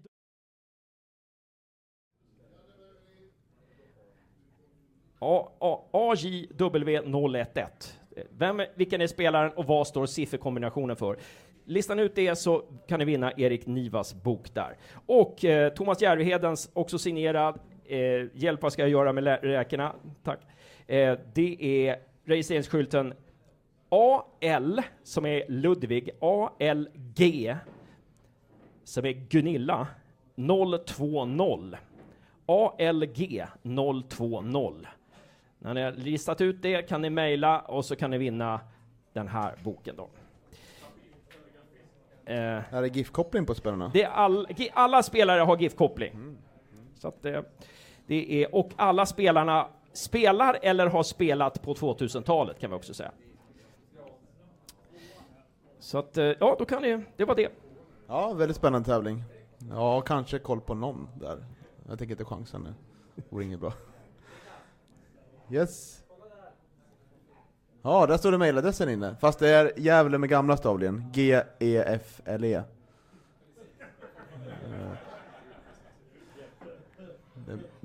Ja, jättebra ordnat där. Ja. Vad vill ni för- prata om? Ni kan få ta över här, tänker jag. Ni har så mycket kunskap båda två. Vi tar över. Vi skulle prata lite taktik Ja. och lite...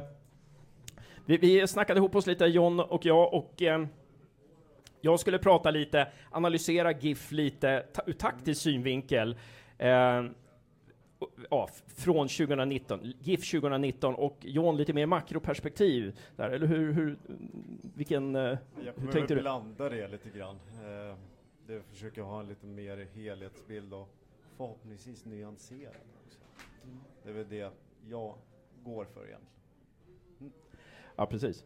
Men det man kan säga är ju att jag- fick eh, så sent som för två timmar sedan ett mejl ifrån en annan trän en tränare som tränade ett topplag i division 1 norra i år, som skrev fan att jag är under kontrakt, jag hade velat söka jobbet i Gävle IF. Jag pratade också med en tränare som tränar en superettan-klubb i, i år, som för ja, några veckor sedan, och han sa liksom Ja, fasen alltså, om, om det inte vore så, om det inte vore så liksom att jag behöva flytta familjen dit liksom, så hade jag liksom sökt direkt alltså.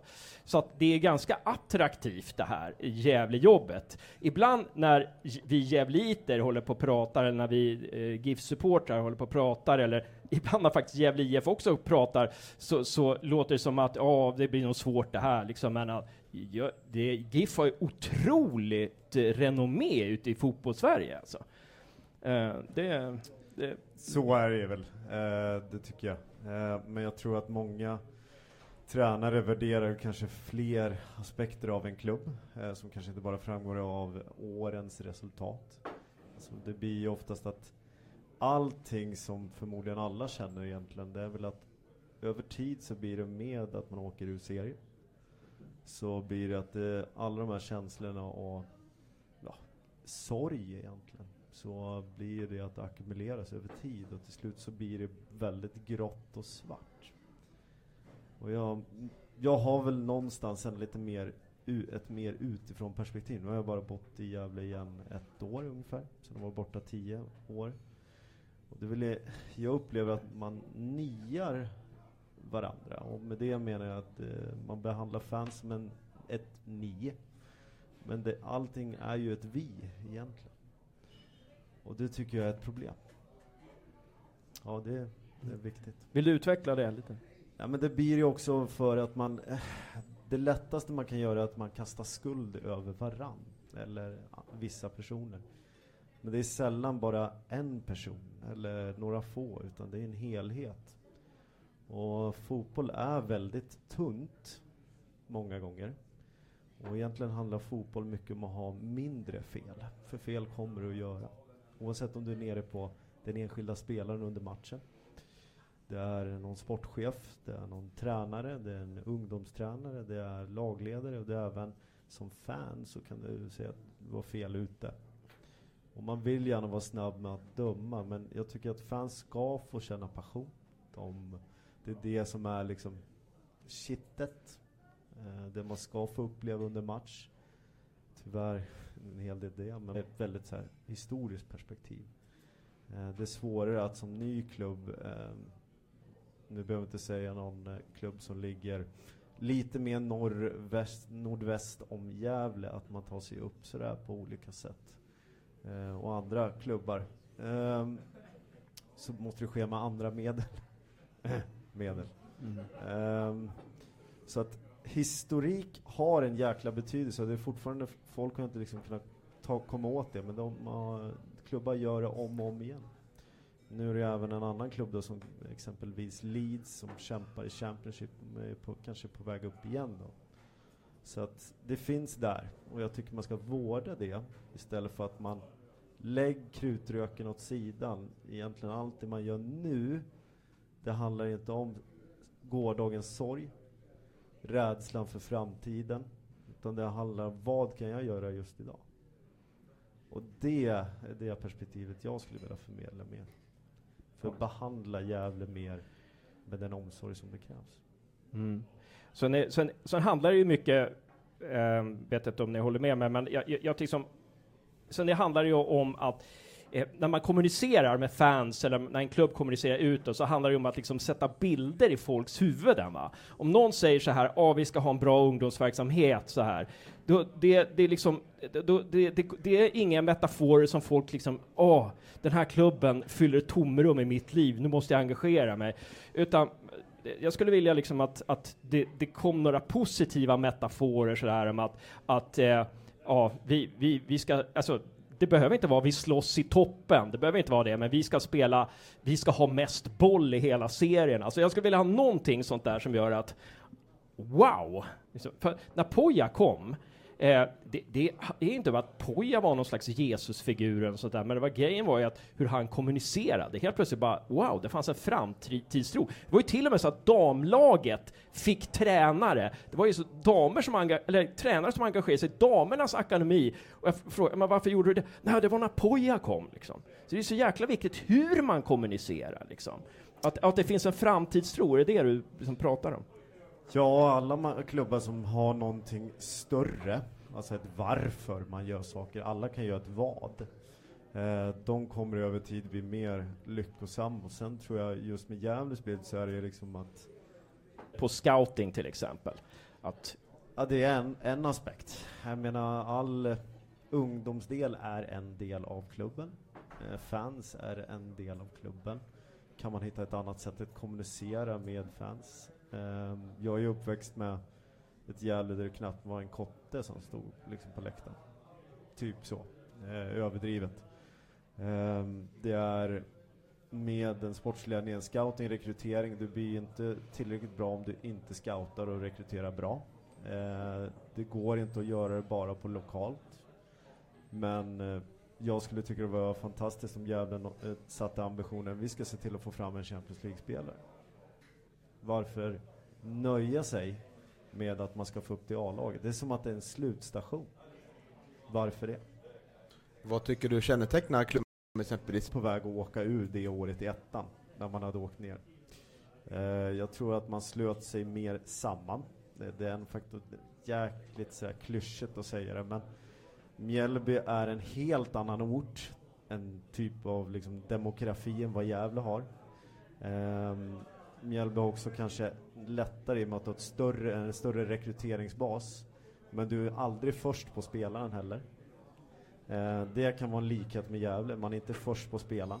Eh, däremot så kan man faktiskt pröva andra marknader. Eh, den var ju faktiskt ganska eh, i allsvenska tiden så ty- vad jag upplevde, nu är inte det faktiskt, men jag tror jag kan ha en viss sanning i det.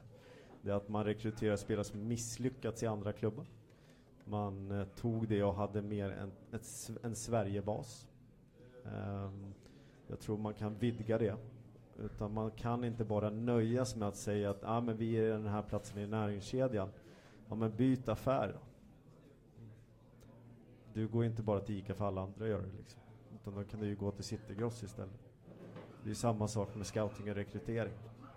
Eh, så att det finns väldigt outnyttjade marknader som man inte använder. Men då handlar det om att vidga det. Och eh, en del av det är data, till exempel. Och då pratar jag inte om att vi ska moneyballa allting, men det måste, måste vara en del av processen. Ja, men alltså, man, man kan ju snacka skit om Daniel Kindberg, vilket jag har gjort ganska mycket. Um, jag, jag tror jag när jag körde Twitterkontot åt Gävlepodden, jag tror den ligger kvar där med över, över 200 retweets där om Daniel Kinberg. Men det som Daniel Kindberg hade, det var ju ändå liksom att han födde... det fanns ju någonting där liksom, han, han födde någon slags så här positiv anda. Fan, det här ska vi, det här ska vi, han fick alla sluta upp liksom bakom det här. Men framförallt Graham Potter, när han, han eh, rekryterade ju spelare eh, via, ja, otroligt noggrant, via statistik bland annat och, och eh, de, de som sköter fotbollslabbet nu, Playmaker.ai, de eh, började ju då att rekrytera åt Graham Potter liksom. och han hittar ju spelare, de köpte ju samman Goldos för en miljon, det var väl en av de största affärerna de gjorde då, liksom när de låg där nere i division 1 och superettan. Men, eh, eh och sålde för 50. Men, men eh, sen så, sen, de rekryterar otroligt många andra spelare liksom. Och det är, ja, och där blir man ju lite så här mörkrädd när man, när liksom, man, man tar in Grace Tanda och, och Julio och så här. De är ju jättetrevliga och så, men, men alltså, alltså det, man måste vara mer noggrann än så. Och eh, ja, det, Men har de någon möjlighet då? Har de några alternativ än att- att de här provspelsmatcherna tre, tre gånger, tre provspelsmatcher innan säsong? och det det, det skulle ju vara ett väldigt klassiskt sätt att se på det. Eh, att du måste alltid se dem i din miljö. Eh, jag tror så här att scouting och rekrytering är inte någonting som är bundet bara till den tiden på året. Det är nå- nej. Det handlar ju naturligtvis om den stora frågan ekonomi här också. Ja, och då är ju frågan så här att det finns rekryterare, det här är från företagsvärlden, de säger att du använder till 2% av din tid att rekrytera och 75% av tiden att sopa igen dina misstag.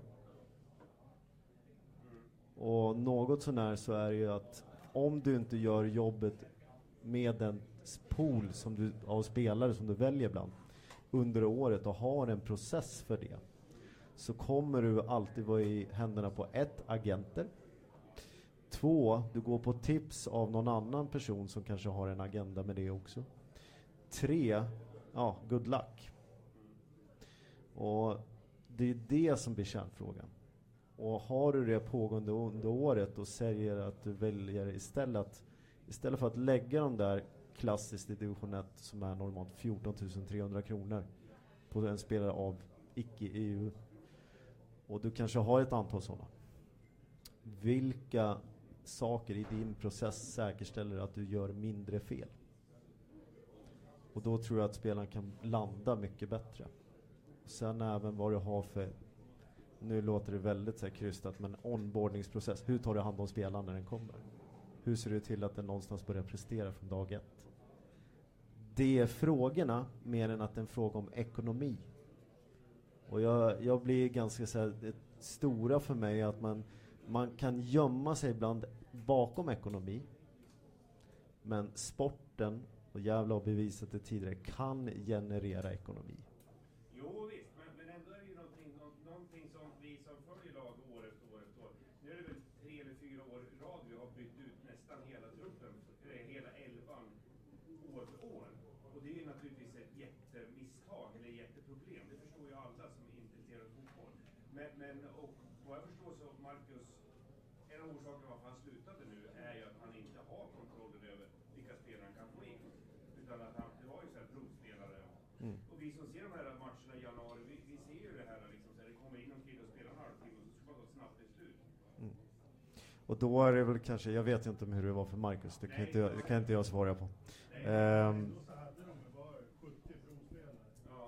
det kanske är för många. Och, och jag menar, Gävle är ju inte den enda klubben, alltså absolut inte i varken division 1 norra eller södra, som byter ut en trupp var och vartannat år. Liksom Jag får ju tyvärr säga så att division 1 är ju en... Det är svensk fotbolls köttkvarn. Ja, det måste ju vara en jobbig serie, för du tränar lika mycket som i Superettan och du får lika en tiondel av lönen kanske. Precis, och det är ju därför också medelåldern är därefter. Ja, och nu har vi sju Stockholmsklubbar i vår serie. De kan ju låna utan storklubbarna, i alla fall efter sommaren, ganska hygglig kvalitet. Och där i så är ju frågan för Stockholmsklubbar, i och med att jag har verkat inom det. Eh, så hur bra utfall har du på lån inom Stockholm än att du skickar iväg spelaren, klipper massa sociala strukturer för den så att den faktiskt får börja klara sig på egen hand. Eh, Det är ju jobb och lön och och bostad etc. Exakt, men jag ser mer möjligheterna. Det, det, gör, det gör jag. Ehm, och det är svårt att Gävle kan locka med mer än att det står 100 pers på Skytteholm och tittar och det blåser. Än att det faktiskt finns, faktiskt, även vedertaget nu då, med, man har näst högst publiksnitt va? I division 1. Ja, och Va- Vas- till och med. Vasalund ska vi säga eh, tränar på halvplan. De är otroligt dåliga och det sa ju Dali Savic när jag pratade med honom, eh, Vasalunds tränare, liksom att ja, skulle någon av våra spelare få en, en kontakt, kontrakt med Gävle, då skulle de hoppa på det direkt. Liksom. Så att det är ju, man får ju se, det, det, är, det är ju lite, ja, det är många som spelar i och spelar för väldigt dålig lön och sådär, eh, dåliga planer som John är inne på. Så att, eh, ja, det, det, ehm, det finns den faktorn också. Men, ehm, ja. Nej men det finns ett, en väldigt stor del outnyttjad potential. Det, det skulle ju ändå vara mitt budskap i det hela tycker jag. Och det är väl därför just Hasse försöker förmedla med att många tränare som har ett intresse, de sitter i det men se det som har varit men att kunna göra något form av bokslut på det. Men samtidigt dra lärdomar av det. Självklart. Alltså, om vi ska prata lite om taktik, jag vet inte hur mycket John vill prata om det, men jag kan prata lite, alltså, när, när, via Johns kontakter har jag pratat med väldigt många tränare nu när vi gjort taktikpodden och många, många av de intervjuer som jag liksom, eh, liksom försökt eh, sträckt ut handen efter, de har inte blivit av riktigt än, men ehm, alltså, jag pratade med en tränare för ett allsvenskt topplag som, som sa eh, off the record liksom att eh, och han sa, han brukar titta på norr, norr, vad heter det, ettan play brukar han titta på. Och han sa, han hade sett några av Gävles matcher, han sa liksom, med den truppen så skulle man ha tagit i alla fall en kvalplats. Det, det säger, det säger liksom en topptränare i Allsvenskan. Eh, och det han tyckte var att Gävle spelade så negativt. Han kunde inte förstå att man spelade så negativt med den truppen liksom. Um, ja, och det, det är liksom där. Jag, jag har inte den kunskapen liksom, för jag, jag tyckte Thomas Andersson var, det var jättebra att eh, Thomas Andersson tog över eh, GIF där eh, när man åkte ner och eh, ja, när Gävle slog Karlstad borta tänkte jag fan nu är Mackan på rätt väg och så här, så jag helt jag har fel hela tiden liksom. men, men när jag lyssnar på vad andra säger så här. Eh, en tränare sa också att Gävle hade de två bästa mittbackarna i serien, den serie som var. Två bästa mittbackarna i Calaban och Axel Norén. Men i och med att Gävle spelar med trebackslinje då, så hamnar ju då Norén som vänsterback i en position han inte är van vid. Va? Eh, han menar, hade, man, hade Gävle spelat 4-2-4 med fyrbackslinje så hade, det, så hade de stängt igen med det där mittbacksparet och den målvakten man hade. Eh, massa sådana här små grejer tycker jag är intressanta när man, man lyssnar på andra, vad de säger. Och sen så det här med 3-5-2. 3-5-2 är ju ganska offensiv, rätta mig om jag har fel John, men vad jag förstår är 3-5-2 en ganska offensiv uppställning. Alltså då ska man spela 3-5-2, då ska man ju spela, kunna spela med hög press ibland, för man har ju de här två wing, wingsen som går upp liksom och, och kan delta i pressen, men man kan också falla tillbaka och delta i försvarsspelet. Och där spelar vi också för liksom negativt med den, med, med den uppställningen. Och så tycker jag att eh, båda, båda wingsen blev alldeles liksom för, för fast på sin kant. Eh, i- Istället för att, om man kommer, till exempel, jag tror det var Grace och Nisse som kommer ibland när de kommer i omställningar, då höll Nisse, då höll han sin kant liksom. Det där kändes liksom Pelle Olsson 2001 på något vis alltså. Det, så att, några sådana där grejer, ja, så, det är inte mina egna på, påhitt, utan det är liksom sånt som jag hört andra tränare säga om Gävle IF då.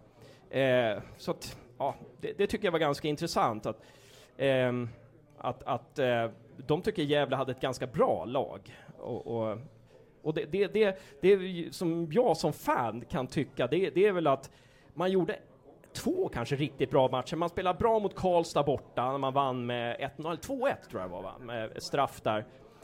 Eh, och sen så spelar man bra mot Sollentuna också, sista matchen tycker jag. Så då, då var pressen jättebra, man pressar sönder motståndarna. Och sen så ibland så... Och, och ibland, men ofta, ofta blev det så här att när man vann boll, att det gick alldeles för långsamt. Det är återigen en annan tränares eh, ord sådär, ehm, um, som, som jag har hört. Men, men um, ja, lite sådana där saker som, som jag, jag, jag, har, jag har snappat upp till höger och vänster. Då. Men som sagt, jag, jag är för dålig på taktik för att kunna, för att kunna se det. Liksom. Men, men eh, det är sådana där saker som... Men det framförallt är det, hoppas jag, att 2020 att vi kan spela en positiv fotboll. Alltså det, det, det skulle vara kul. Jo, en sak till. Det här. David Samter som jag pratade med, också tack vare John då. Eh, David Samter är analytiker i Hammarby och har skrivit boken Fotbollens matematik. Och David Samter, det, alltså det finns statistik på det, att ett lag som har så ung, bara har unga spelare, de misslyckas. De misslyckas alltså i 99 av 100 fall. Va? De kan aldrig komma på övre halvan. Så åldersstrukturen, den var dålig redan från början i år. Va? Så att det är jätteviktigt att vi får in Markström till exempel som, som målvakt. Det är ju superviktigt. Uh, det... Men jag håller med dig här, men mycket av snacket kring mycket så här fotbollspodden nu är ju att eh, uh, 3-5-2, det är lite daterat och lite gammalt för det tenderar att bli en fembackslinje istället. Det är väl, tycker jag, ganska tydligt med Gävle spel under året som varit, att det har mer blivit att en fembackslinje och när man väl fått fram bollen i mitten så har ytterbackarna varit, eller wingsen, alldeles för långt bak liksom. Och det är väl kanske också en del i att, eh, att Gävle gör minst mål i division 1 norra. Eh, eller vad tror ni att, eh, för du är inne lite på Hasse, att det finns Ja. tillräckligt bra går- spelare i truppen? Ja, men det går för långsamt liksom. Det är ju, det är ju tanken med 3-5-2 är att wingsen ska vara med och ställa om, så att man snabbt kan ställa om. Titta hur IFK Göteborg spelar till exempel. Men, men Poja vill ju ha snabba spelare. Det är ju det som är vitsen med det hela, för man, så att man kan ställa om snabbt. Då. Men, det, men det är många som, eh, Alexander Axén sa ju det häromdagen i en podd, att eh, titta på vilka som lyckas i Allsvenskan i år, det är inte 3-5-2-lagen. Liksom. Djurgården spelar 4-4-2 och så. Jag Vet inte om du har någon eh, uppfattning där, 4-4-2, 3-5-2, eller tycker du att, som du brukar säga, det är en lek med siffror? Där eller som telefonnummer. Um det är egentligen sådär, det kan ju Rinus Mitches igen, eh, han konstaterar på 70-talet att det finns egentligen tre spelsystem i och med att i folkmun så hänvisar man ofta tillbaka till det. Och det är 4-4-2. Det är 5-3-2. Och det är 3-4-3. För resten är egentligen bara variationer på det. Och med det sagt så är det att 4-4-2 har ju en viss, ett visst värde i Gävle. Och man eh, förkopplar det till massa saker. Men ett oförtjänt rykte det jag har det är att man pratar om 4-4-2 hur det ser ut när man inte har bollen. Resten så pratar man när man har bollen. Eh, det innebär också blir en del konsekvenser. Jag håller ju absolut inte med dig på ma- massor av saker Hasse. För du luddar, Tack för mig. Du, du luddar runt för mycket. sådär. Ehm, egentligen så är det så här att fotboll går ut på att göra ett mål mer än motståndaren. Det innebär också att du ska förhindra mål. Det är det, det, är det elementära. Hur du gör det, det är oftast en mycket tycke och smak. Och i slutändan så vill du ha fler saker som leder till det där målet och förhindrar det där målet bakåt. Och det finns, om du har två ytterligheter i fotbollsvärlden så är det då, om vi sätter Barcelona och Man City i ring, ena ringhörnan, vi sätter Red Bull-koncernen, kanske Liverpool i den andra, så vill de uppnå samma sak. Men hur de gör det, väldigt olika. Och det är nästan så att det har ett högre värde på de som väljer alltså Red Bull och Liverpool. För de kanske inte behöver ha bollen. Men upplevelsen är ändå att de spelar en positiv fotboll. Ja, det handlar väl inte om vad långare och längre, men den bästa passningen är ju den, bästa passningen är ju den som passerar flest motståndare. Ja, och då blir det ju så här, du, man sätter det alltid i efterhand. Eh, så att det handlar ju mer om att spelar jag förbi dig och Hasse så är plus två. Och kan du börja mäta de här sakerna du gör, för fotboll är slumpbaserat också. Det är väldigt få mål. Med andra ord så har vissa externa faktorer en jättestor betydelse. Och istället för att vi hamnar i att vi raljerar resultat så måste klubben bli större med att vi värderar och mäter det med någon form av objektiv fakta. För annars kommer alltid klubben hamna i en form av gisslansituation. Det jag upplevde, tycker jag i alla fall, mycket med Gävle IF 2019 var att man ville undvika att ta risker i sitt anfallsspel.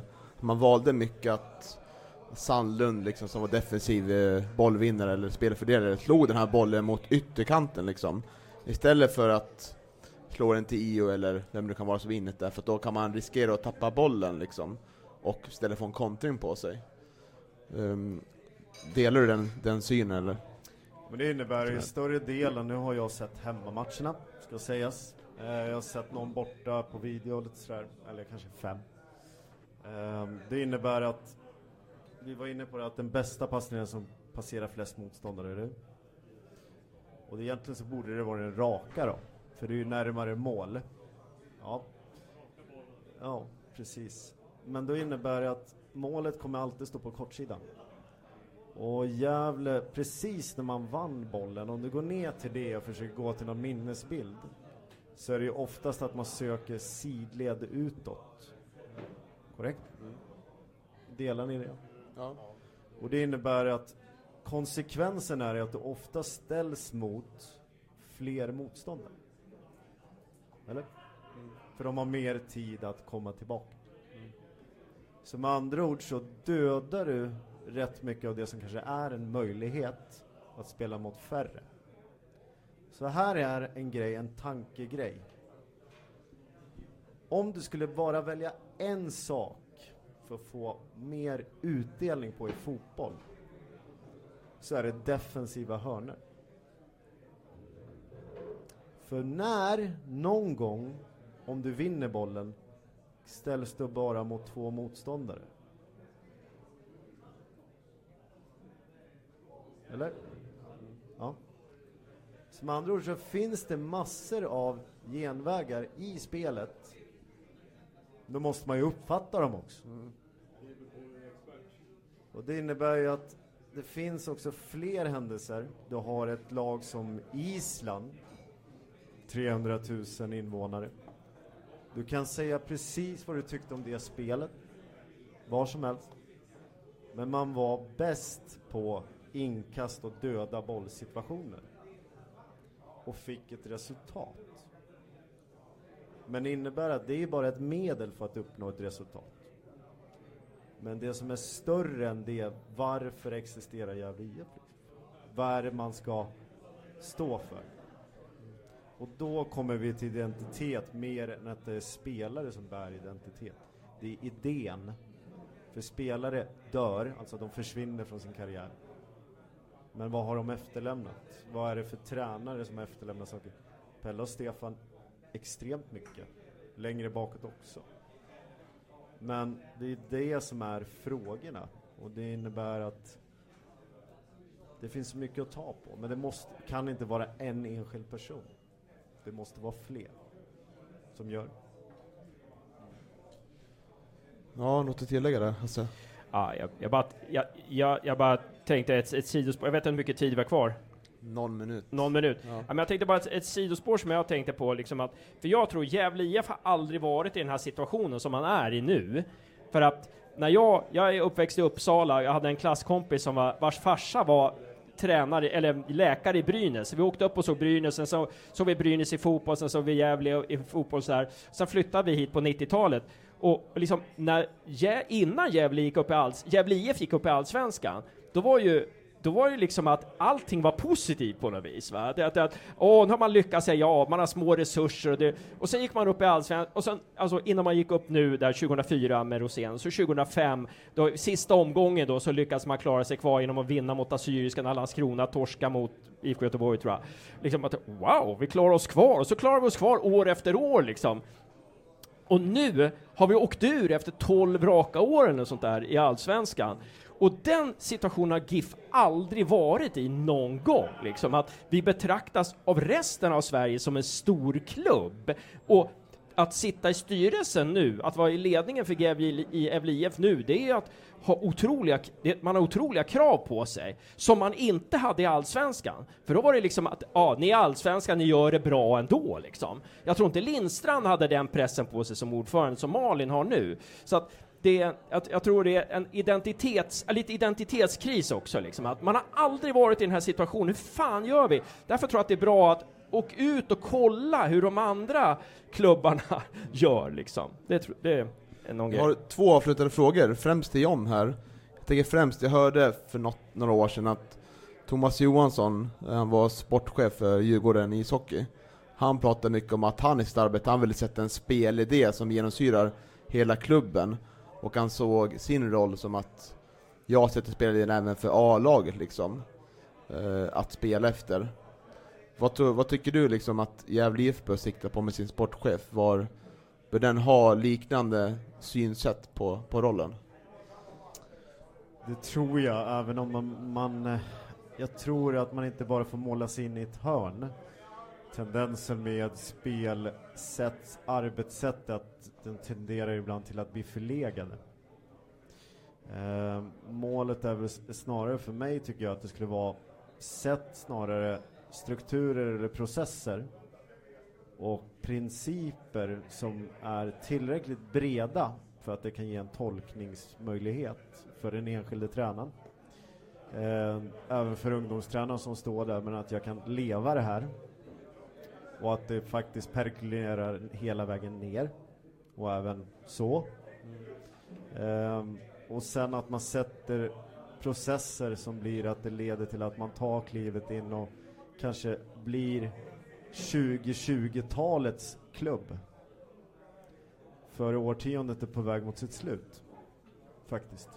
Och då innebär det att approacha modern Gävle är en del av världen.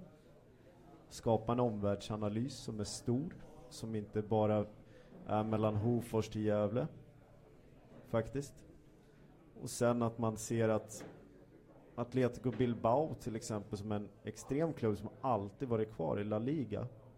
De har inget spelsätt på ungdomssidan. För de vet att tränare kommer och går i A, men de förbereder spelarna för att kunna klara av olika. Det kan också vara ett sätt. Så att måla inte in oss i ett hörn. Eh, det tror jag är jäkligt viktigt. Vi kan strax avsluta, men jag tänker ställa en fråga som jag väntar på att ställa kanske hela kvällen då. Hur stor chans är procent att du blir presenterad som tränare för Gävle IF nästa vecka? Det kan ju, kan inte jag svara på. Jag sitter inte på det där. Nej, okej. Nej, det gör jag inte. Så att eh, hypotetiskt skulle det vara extremt tacksamt och roligt. Um, mer kan jag liksom inte säga utan ehm, det är ju så. Jag kan också säga att mitt nej till att bli tränare i Gävle IF 2020 står fast. Bara så att... Nej, vad tråkigt alltså. Eh, ja, det här var jättespännande och intressant och roligt. Eh, en stor applåd för John och Kassa.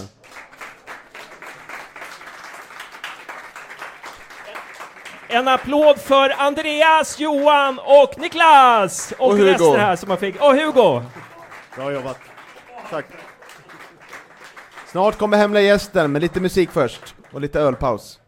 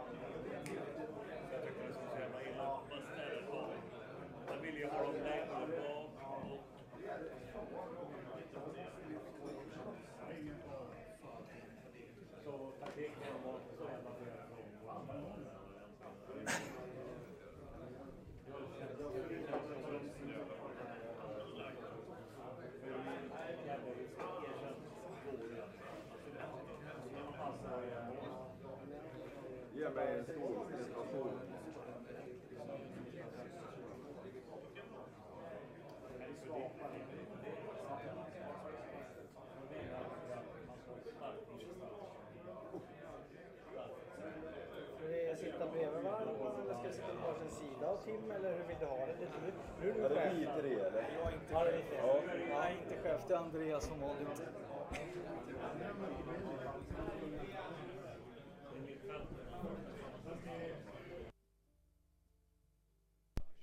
Ja, ta... Ska den vara i mitten? Här? Ja, mitten ska vara. Jag har instruktioner på att prata nära i alla fall. Ja. Prata nära och högt. Ja. Ja, du, Man behöver inte blyg. verkar lite som mig. Ganska lågmäld när det gäller rösten.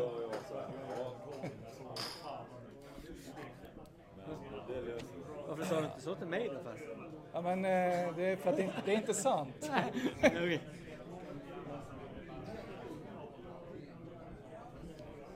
Hur fan är scheman då? Nu var det så länge sedan jag var uppe så nu har jag liksom tappat allt.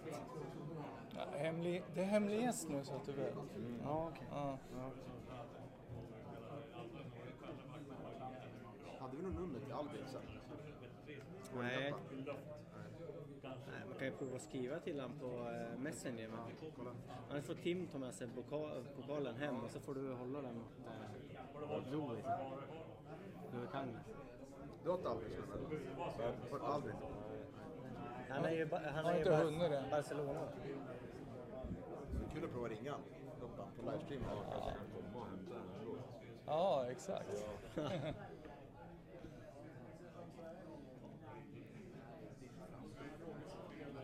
jag vinka till honom? Mm. Få upp honom på länk. Skriv till honom här då. Jag vinkar till honom. Gjorde du det? Okej. Ja, men då så, då är det lugnt. Ja, kör när ni är redo. Ja. Ja.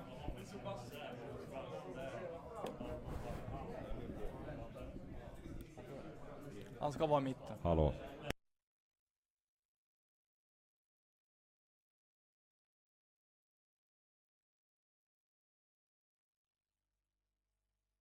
sitter ju här och eh, det är ju våran eh, nya målvakt. Välkommen! Tack. Tack.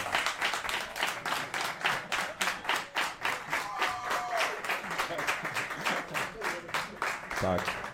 Ja, jag är extra nöjd eh, för att jag konstaterar lite när jag vet, du det, läste på om eh, Tim att vi, han, har, han och jag har samma moderklubb, IK Sätra nämligen. Så är det. Ja, hur, länge, hur länge var du i Sätra? Oj, det var en bra fråga. Eh, 14 kanske? Från småbarn till 14. Mm, ja, just det. Sen så eh, hamnade du i Umeå, visst var det så? Ja, jag hade fyra år i Valbo, sen Umeå. Mm. Sen till ett annat lag, och så till Danmark. och så Hammarby, och så ett annat lag. Och så nu är vi här. Ja, men det är ju fantastiskt trevligt att du är här. Ja, det är liksom, ehm, ja, eh, Bättre sent än aldrig. ja exakt, det var dit jag ville komma, verkligen. Det, nu, är, nu är det där du ska vara helt enkelt. Ja men det känns skitbra, jag är supertaggad. Det, det ska bli jävligt kul. Ja, hur, eh, hur gick tankarna när Gävle hörde av sig? Ja, så jag hade bestämt mig ganska tidigt. Det var väl mest att jag hoppades att eh, Gävle skulle hålla sig kvar. Det var väl egentligen det som var det viktiga för mig.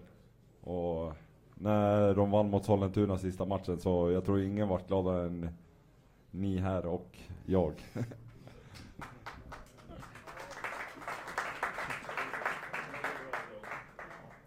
Fortsätt Nej. Jag sitter ju här som moraliskt stöd för Ja, Johan. ja. Ehm, ja, va, varför har det inte blivit Gävle IF tidigare för, om man säger så? Ehm, har, har, har det funnits kontakt eh, innan? Ja, bra fråga. Varför? Jag vet faktiskt inte varför, jag kan inte svara på det själv. Men jag var eh, i samband med att Hasse fick lämna eh, så hade vi ganska mycket kontakt eh, inför eh, den säsongen. Jag kommer inte ihåg när det kan ha varit. Kanske 16? Ja, det kan nog stämma det. Eh, Då var det ganska nära, men eh, Hasse lämnade och så, jag tror Thomas kanske tog över då, som både sportchef och tränare, eller? Ja, det var ju La- Lager, eh, Lagerström som tog över som, eh, som både sportchef och, och klubbchef då. Så det rann det liksom ut ur, ur sanden då? då. Ja, det blev så tyvärr. Så då, ja, jag hade ju kontrakt, men jag var ju verkligen redo att flytta hem. Eh, men det vart inte så, men nu är jag här. Mm. Eh, vet du, vad, eh, vad, hur känner du själv? Vad är du kommer att kunna bidra mer än att jag vet du, det, stoppa bollar naturligtvis? Men eh, det är ett ganska ungt lag som, som, som du kommer till. Hur, hur tänker du kring det? Ja, alltså det var ganska roligt att du sa det, för jag fick ett sms av, Se- av eh, Sebbe samma dag som jag signat. Nu har du höjt medelåldern ordentligt. Så eh, ja, jag får vara gamgubben, men eh, det är jag gärna. Men jag kommer ställa höga krav på de unga spelarna. Så de ska springa ordentligt.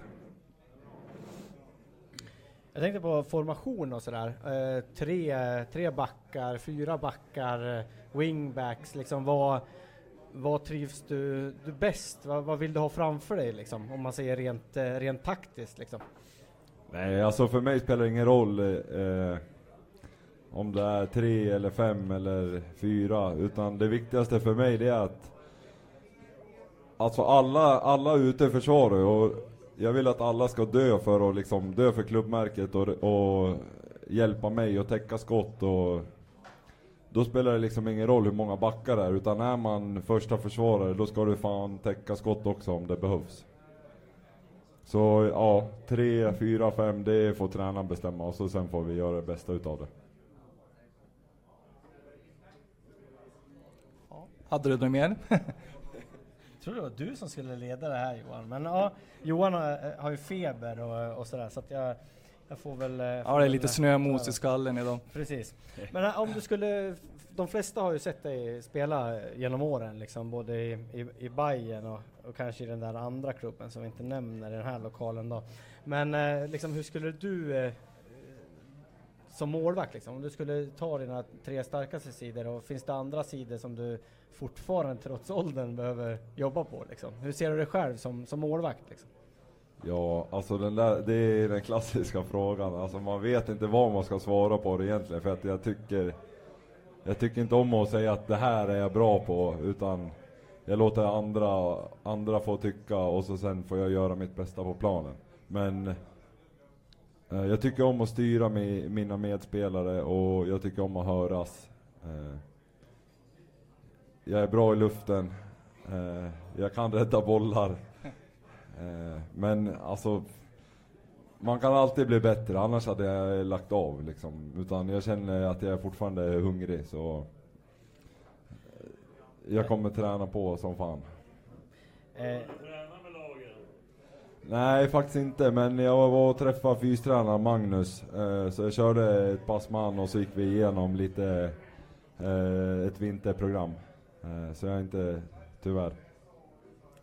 Våran gamla målvakt Jake McQuire, där kunde man ju få någon tvåfotare och, och sådär lite Hegoita eh, spel. Men det, det slipper vi se i år då eller? Ja, men jag har ju haft tränare som förespråkar långbollar. Jag själv gillar att spela fotboll så eh, jag hoppas att eh, vi får en tränare som man kan få använda fötterna lite i alla fall. Ja, det låter ju bra. Eh, jag tänkte på det. Var det Marcus eller var det Andres, Andreas Dahlén som eh, eh, förhandlade kontrakt med dig eller? Eh, det var Dahlén. Mm. Eh, pratar ni om eh, målsättning och så inför nästa säsong då? Ja. Korsförhör. Eh, ja. ja. Ja, okej. ja, det märks att eh, det är Andreas Dahlén du har pratat med, i alla fall det märker jag det. Han avslöjar inte mycket eller? När jag gör intervjuer brukar jag säga så här, om du inte kan svara så säger jag inga kommentarer. Ja, Okej, okay, okay. eller, börja med det då. Ja. det är trevligare att säga ja än inga kommentarer. Ja.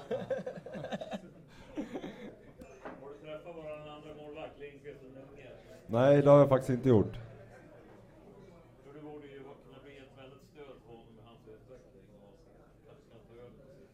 Ja, det hoppas jag verkligen. Uh, uh, ja, fan det är svårt att sitta här uppe. uh, nej men jag hoppas självklart att, jag ska kunna hjälpa han. Och att han ska hjälpa mig. För det, som det ser ut så blir det väl bara vi två. Så vi får hjälpa varandra och som du säger, han är ung och jag är... Han är lite yngre än mig, men... Ja, jag känner mig skitbra. Jag är hel och eh, frisk och... Ja, jag vet. Det löser vi. Det löser vi. Det där var en jämförelse som du inte var riktigt förtjust i där. Hugo? Ja, just det. Eller just att han höll på länge, eller? Jo, alltså jag har inga problem. Alltså om kroppen är hel och så länge det funkar så då kör jag. Men jag menar målvakt kan ju, gå- kan ju hålla ö, ö, lite över 40 till och med. Det är ju inte helt ovanligt att eh, ja, 50 kanske. Ja, då då lovar jag, om jag står i målen när jag är 50, då jävlar. Då ska det vara Champions League-final i så fall.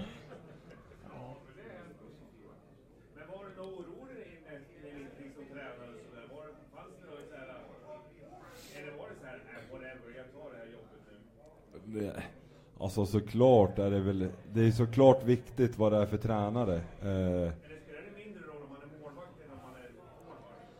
kanske spelar lite mindre roll, men man vill fortfarande att tränaren ska, du vill ju att tränaren ska tro på en och eh, jag hoppas att han kommer göra det, vem det nu blir. Eh, så det hade såklart underlättat om det hade varit en tränare med i bilden. Nu var det inte det, men det här var det bästa för mig och jag tror på det Dahlén säger. Och jag tycker inte att Gävle IF ska vara i division 1.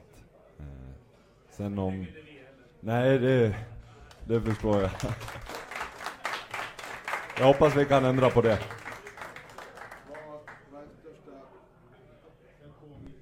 Vad är största skillnaden tycker du mellan att spela, i- alltså nu har det inte varit i Gävle så lång tid, men mellan Sandviken och Gävle som klubbar liksom? Eh, inga kommentarer. Nej, det är jättesvårt såklart. Jag har ju liksom inte träffat någon. Jag har fått, eh, jag har träffat Dahlén. Jag har inte träffat lag, jag har inte hunnit träna med någon än. Eh, men ställ frågan eh, i sommaruppehållet så ska jag ge dig ett bra svar. Ska jag göra. Hur många gånger har du varit med i Sandvikenspodden? Noll. 1-0 till GIF. Men jag tänker, derbyna förra året, det, det kändes ju i alla fall som att, så här i efterhand, det var ju många gamla GIF-spelare i Sandviken som kändes väldigt taggade liksom. Var det något som det, det pratades om eller märktes av på träningarna? Bland de som Aspegren, Mård och Hellström, alla de där. Nej, alltså jag tror det märktes mest på Pelle. Faktiskt.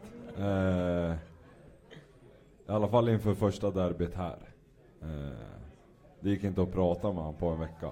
Alltså han var så nervös.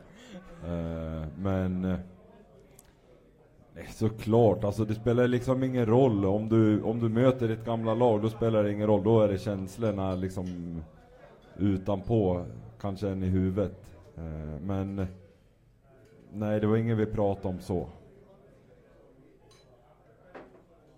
Ja, det är spännande där. Det, det, så kändes det i alla fall som supporter, i alla fall på scenen att det var ju många där som verkligen liksom såg det här sin chans till revansch. Och det kanske även Pelle gjorde fast han lämnade frivilligt. Men det var ju mycket tal på det att när det stod mellan Pej, Pelle och Poja så vart det ju Poja liksom. Det kan ju finnas någon slags, man kan vara konspiratorisk, någon slags Men det är klart att Ja. har man blivit ratad av ett lag så är det klart att man vill, vill visa det laget att man har blivit en bättre fotbollsspelare. Det, det tror jag liksom faller sig naturligt. Så, så funkar det ju liksom. Jo, så är det helt klart. Och alltså nu är ju förra säsongen det är ju gammalt och jag kommer Alltså det, det som de i så fall kände när vi mötte GIF förra året så kommer jag känna när vi möter SIF i år så Jag ska fan göra allt för att få igång grabbarna ordentligt. Och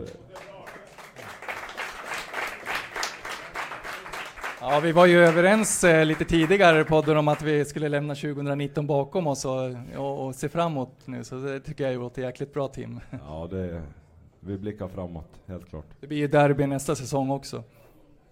Det sen tycker jag det är gott alltså, för du, eh, Sebbe har ju rätt, ja, du höjer ju åldersstrukturen i laget.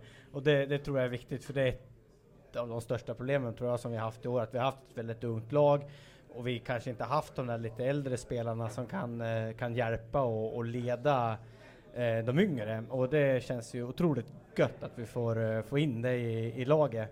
Eh, förhoppningsvis tillsammans med någon mer kanske, så att eh, eh du slipper gå ensam på, på lagfesterna på, eh, med konstig musik och, och sådana grejer. Men ja, Ja, men skulle jag få gå ensam då har jag inga problem med det heller. Jag är målvakt av en anledning.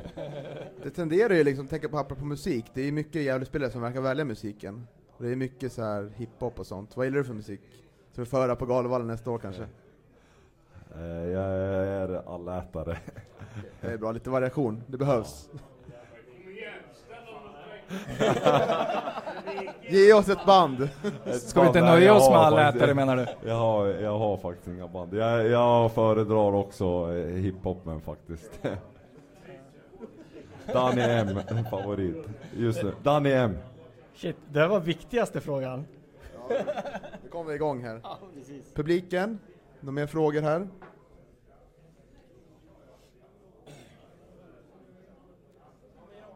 Hasse? Den här nya regeln som innebär att, att vid inspark så kan, så, så kan medspelarna komma in i straffområdet. Så här. Vad vad har det inneburit för dig som målvakt? Ny- Lära in nytt och sådär? Ja, alltså den regeln är ju bara Allsvenskan och Superettan. Så eh, inte så mycket. Nästa år, 20, 2021, eh, då tränar vi på den. Har ni fått reda på försäsongsschemat? Det har jag sökt med lite med, för det vi mötte Sandviken borta, och nej, nej, Sandviken hemma och Sirius hemma. Har du fått reda på något mer? Nej, jag, jag 7 januari 15.00 då.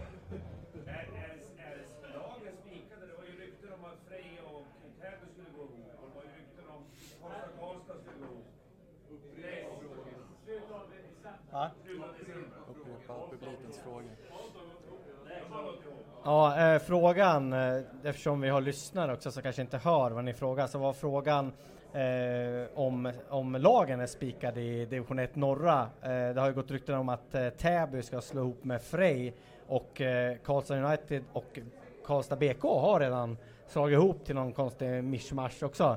Eh, svar på den är väl jag tror inte att Frej och Täby kommer att slå ihop som det ser ut, men att Karlstad slår ihop och att eh, jag kommer inte ihåg vilka det var som flyttades upp nu. Var Eh, det Motala. Motala som flyttades upp till eh, söder... Eh, det borde bli söderettan på dem va?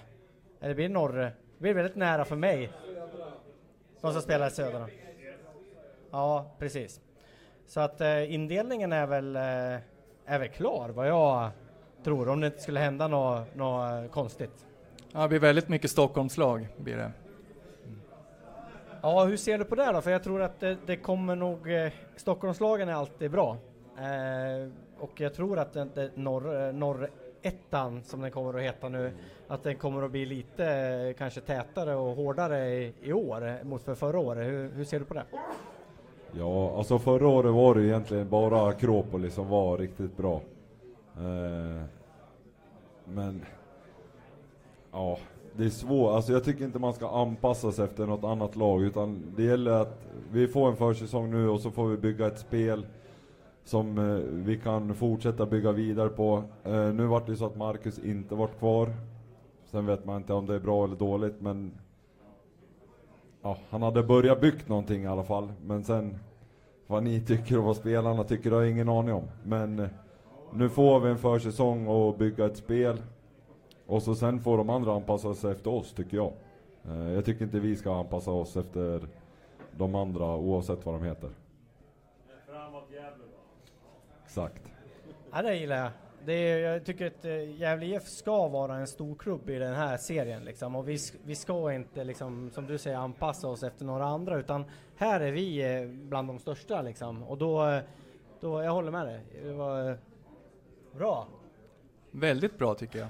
Ja. ja. Är det någon mer som har någon fråga till Tim? Ja. Frågan var eh, från eh, Per Magnusson, som är hans pappa, eh, som hjälper oss i podden ibland. Eh, hur lång är du? Eh, två meter. Eh, jag jobbar på en skola med fyror och femmor. Jag får den frågan ungefär tio gånger varje dag. det är kul att det kom här också. Då har, då har den kommit en lördag också. Det är, det, det är Pro Olympia du är på va nu eller? Ja, exakt. 47,5 var jag i skostorlek. Jag har fått den också. Det är nu vi ska ringa upp Imre Morén och kolla vem är den längsta spelaren som har spelat i Gävle IF. Det var intressant att veta. Ja. Han får skriva Jimmy i Facebook, eh, eller Youtube, liven. eh, Vem som är längsta spelaren som spelat i Gävle IF. kan mycket väl vara så. Eh, Viktor Ness, hade du en fråga?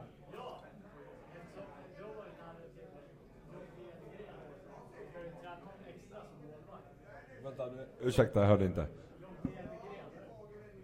John... Ja. Nej, tyvärr. tyvärr. Eh, men det kanske kommer. Eh, men han är på högstadiet då, eller? Ja. Mm. Nej, det är Kasper som jag får eh, hålla koll på. En supertalang. Hur ser du på att sätta igång spelet som målvakt? Kasta ut bollen, sparka utan... I vilken situation? Ja, är du bekväm att kasta ut bollen? Ja, gärna. Gärna kasta. Men det beror ju på. Och, ja, det tycker jag om. Men eh, jag tycker inte om att göra det i 89 om man leder med 1-0. Nej. Ja, då ligger jag gärna lite extra.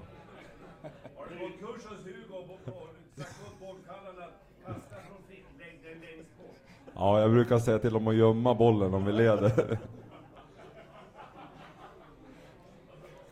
Ja, vi hinner inte med och vet du det, Referera. referera här. Nej, första frågan var, eh, det vet jag inte, men andra frågan det var ju om du gillar att kasta ut bollen, eh, eller om du gillar att sparka ut bollen, men eh, du gillar att kasta ut den, fast inte i 89 Nej, inte i 44 heller. Har du ett tema?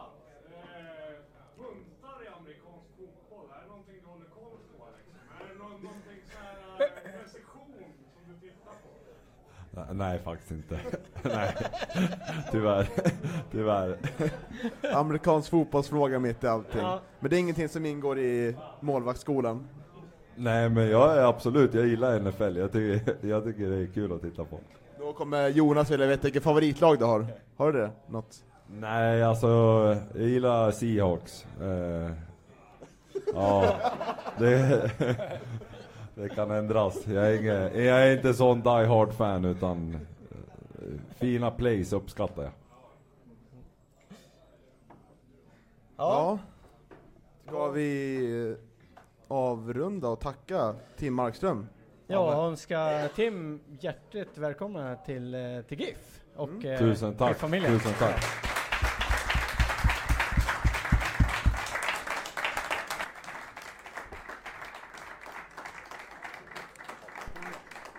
Jag tänker att vi kör del två i quizen nu på en gång medan alla är lite eh, vakna liksom. Ja, precis. Så ni kan ju bläddra fram till eh, sidan två i quizet. Vi kan ju, om ni har rättat så kan vi ta lite lägesuppdatering, hur det ligger till. Hur mycket, vilka har, är det någon som är över 10 poäng hittills? Här borta. Över 10 poäng. 14 där. Okej, någon som är 15 poäng? Nej. Är det 14 som är högsta? Ja. Ja, så håller med. Så är det faktiskt. Han googlade ett svar och det strök jag. Det var dessutom fel. Det var då det var jag kan ju inte lita på. Jag vann ju bussen senaste matchen också. Det var ju också det.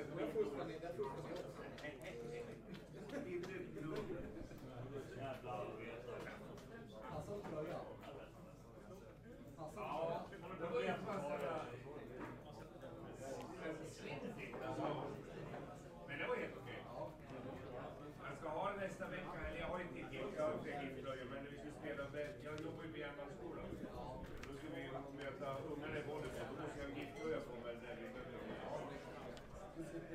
Jag har ju, jag har ju utsikt från mitt rum över VM-arenan.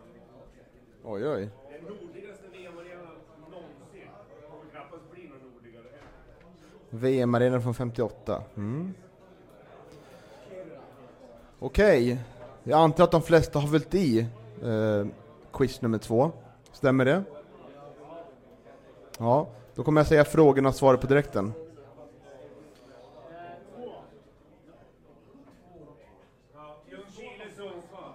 Yes, hur många år har Gävle kvar till Allsvenskan sedan år 2000 den första? Det är alltså två gånger som man får en poäng för. Ja, nu får du lugna där borta nu. Jävla bra självförtroende där. Det är alltså, vilka lag har man mött? Man mötte Sundsvall, när då? Sen 14, 10. Och Ljungskile 2010 och Sundsvall 2014.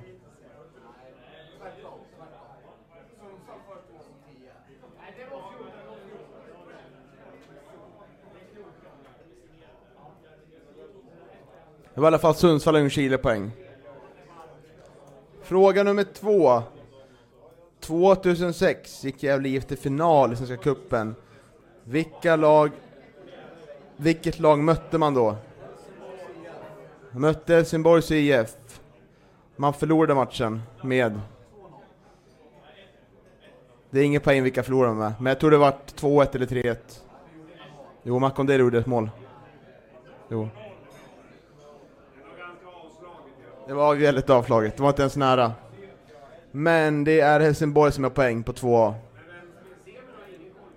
Semifinalen. Kalmar på straffar. Mycket möjligt.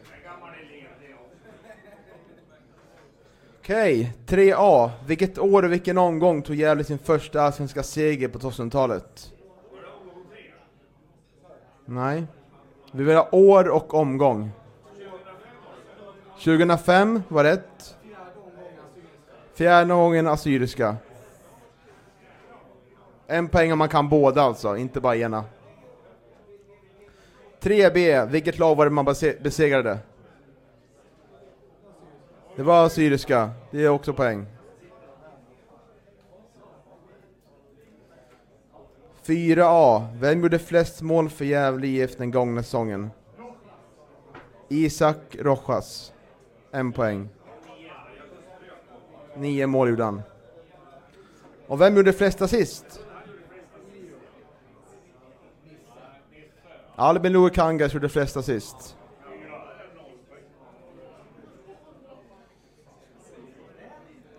Fem A. Vem... Pelot som tog över efter Kenneth Rosén, som förde upp Gävle i Allsvenskan. Men vem tränade Gävle före Rosén? Det var Pelle Olsson.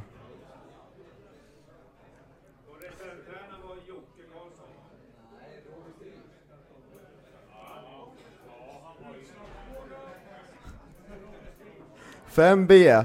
Vem var Kenneth Roséns assistent för koppa inför den matchen när Rosén var sjuk? Det var Jocke Karlsson. Ja. 6A.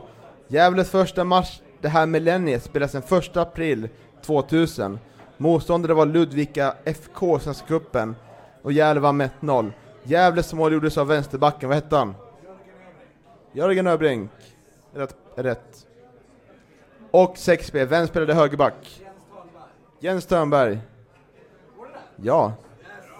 Joppa fuskar tror jag, det här känns inte bra.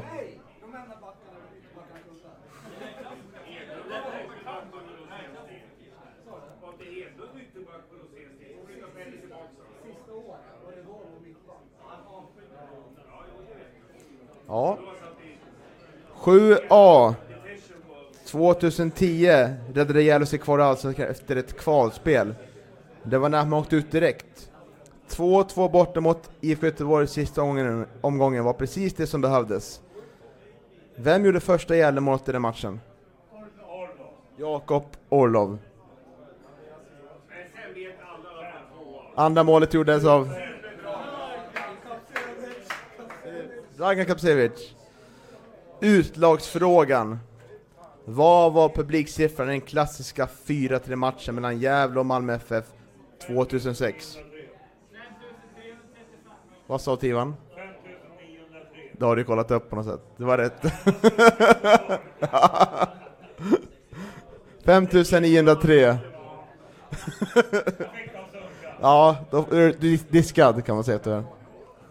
Då kan ni räkna upp era totalpoäng från quiz 1 och quiz 2. Det är ju oerhört fina priser där. Ja, räkna upp totalt. 21 totalt. Det här har vi ståplats Karlfläktan som väntar. 24. Någon som har mer än 24? Det verkar som Joppe Ness vinner här. Han har inte det. Och... Eh, kolla hur mycket poäng där. Räkna upp båda två.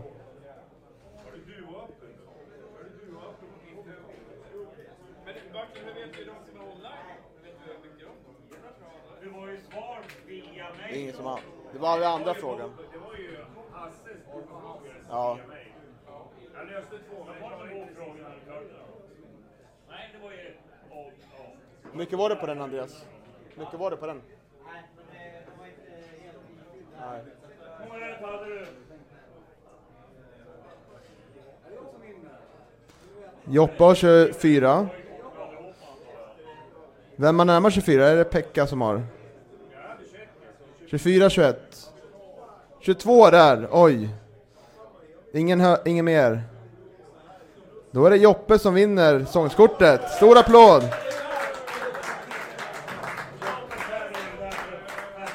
Och så kepsen där borta. Ska vi ta en bild på vinnarna här? Larsson, ta en vinnare. Ta kort här. Vinnarkort. Vinnarkort. Ja.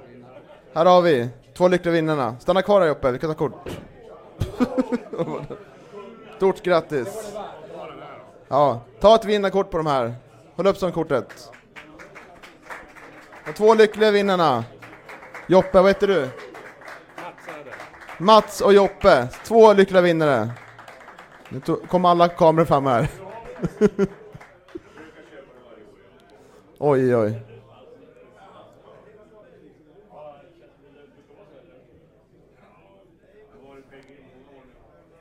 Stort, sjukt bra. Bra jobbat. Okej, nu har vi bara en programpunkt kvar. Vi ska utse Gävlepoddens pris. Kan vi luska fram ett nummer till vinnaren och ringa upp honom kanske? Han är inte vinnaren. Vi, han har inte svarat. Är det någon som har numret till Albin Loekangas här? Har du det? Vi, då provar vi ringa upp han. Det är vinnaren. Ge, vi, eh, kan bli kul. Kom upp du också. Vi provar ringa upp han. Hugo!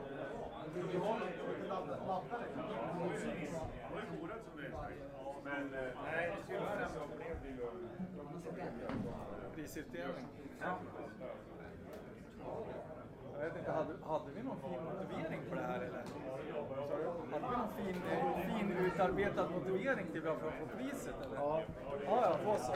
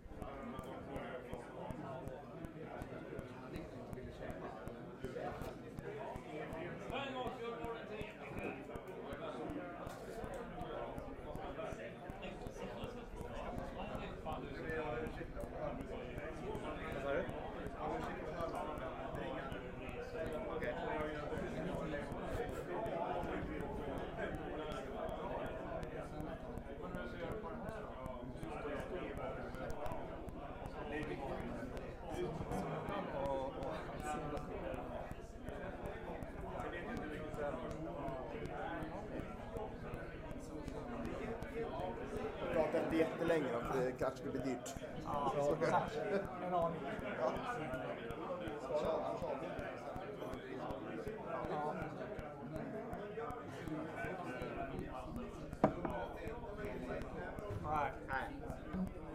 Han är ute och dricker sangria. Hörs jag? Hörs jag? Ja, då har vi alltså kommit till den eh, sista programpunkten för kvällen här. Eh, och det är en liten nyhet att eh, vi i Gävlepodden delar ut ett pris. Eh, och motiveringen till det här priset är alltså att eh, Gävlepoddens pris går till den herrspelare i Gävle IF som utvecklas mest under året. Det är inte ett rookiepris utan ett pris eh, den, till den spelare som upp, eh, uppenbart tagit sig själv till en högre nivå än föregående år. Och eh, vinnare av Gävlepoddens pris 2019 går alltså till eh, Albin Luikangas. Um, och det tycker vi är en eh, självklarhet att uh, Louis ska lära ha det här priset. Vi tycker att eh, Louis har tagit flera steg och att han eh, ser ut som en, eh, som en mittback faktiskt i, eh, i division 1. Ehm, nu försökte vi ringa till Louis, han är i Barcelona just nu, annars hade han varit här. Men eh, det var ingen som svarade, så han, eh, han dricker väl sangria med Io och mår bra helt enkelt. Med Barcelona ja, ja jajamän. Eh, så vi gör så att eh, Tim får ta med sig pokalen hem till sig och så får vi se om Louis får den eller inte. Eh.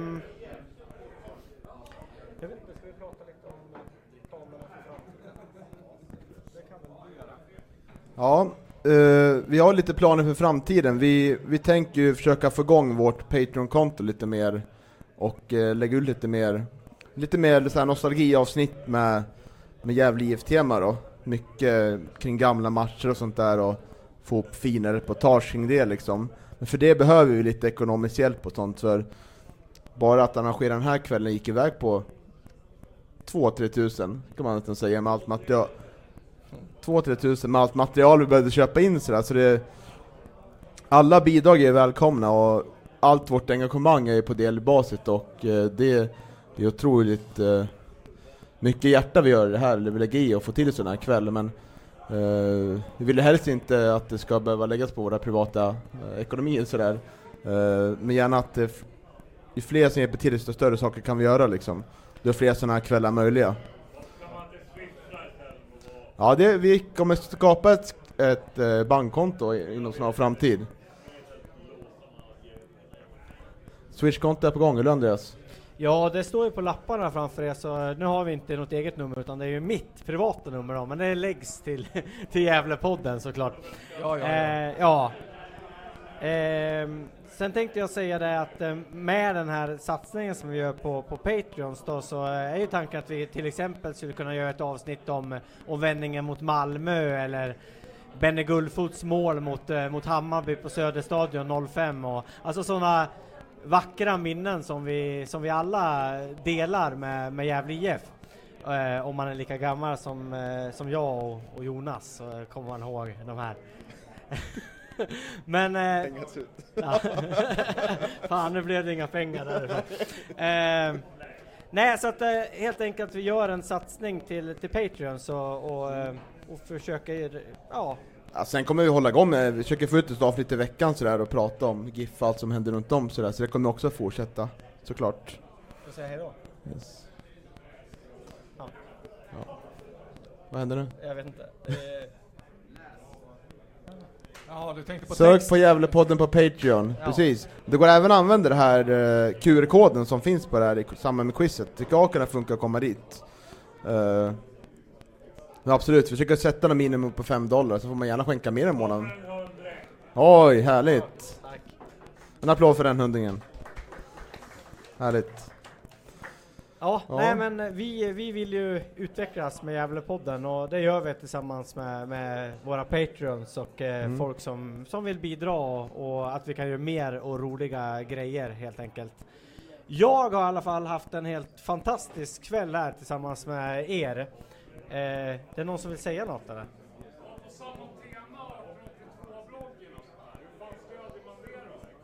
Hur stöder man 1882-bloggen, Hugo? Ja, just nu är det rätt svårt. Eh, det är väldigt svårt att bidra ekonomiskt, men eh, ja, det, jag uppskattar det väldigt mycket och sen eh, kanske att det dyker upp någonting i framtiden. Men i nuläget går det inte att stödja ekonomiskt. Ja, tack. Ja, stort Mm. tack. Men vill du har man... Ja, du har den här boken på gång också va, till, till, till nästa säsong. Precis, eh, tänker att eh, det eventuellt kan dyka upp en, en eh, ja, slags bok, eh, häfte med eh, allt man behöver veta inför GIF-säsongen 2020, likt den eh, sportbibeln som Sportbladet har kommit med de senaste säsongerna. Så att mer info den kommer om, om det blir någonting, men eh, jag skickade ut ett formulär som man kunde svara på och det blev väldigt mycket god respons på det så att det är inte alls omöjligt att, att det blir någonting. Ja, nej men eh, det, det, lutar åt att det, att det blir någonting. Tim! Tim! Tar du med den då? Stage dive också Ja, kan du göra om du vill. precis. Då vill vi ha ett tacktal tillägnat Albin. Den här vill vi att du ska vinna nästa år. Ja. Ja, precis. Det kommer kännas lite vemodigt när jag lämnar över. Vart är kameran? Här är kameran. Så, Albin, jag har den, den är säker. Vi snackar ikväll. Ja, Eh, en sista julklapp, vad önskar vi oss till nästa år? Personligen, Hugo får börja. Ny tränare. En eh, riktigt vass målskytt.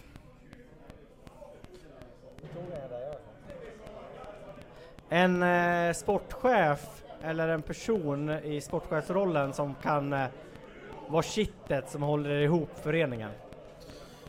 Ja, spännande. Eh, Jag är snabb och teknisk vänsterytter som har speeden som Sive Pekasala men utmaningsförmågan som Simon Lundevall. Ja, det, är garant, det är ingen önskning, det kommer ju hända. Ja. Ja, nu, Ja. Mycket Så. önskningar. Nu, mycket önskningar. Vi eh, rundar av. Tackar för ikväll. Tack alla som kom. Tack så mycket. Var det underbar publik? Ja, fantastiskt. Tack Kalle. Tack Kalle. Tack Kalle.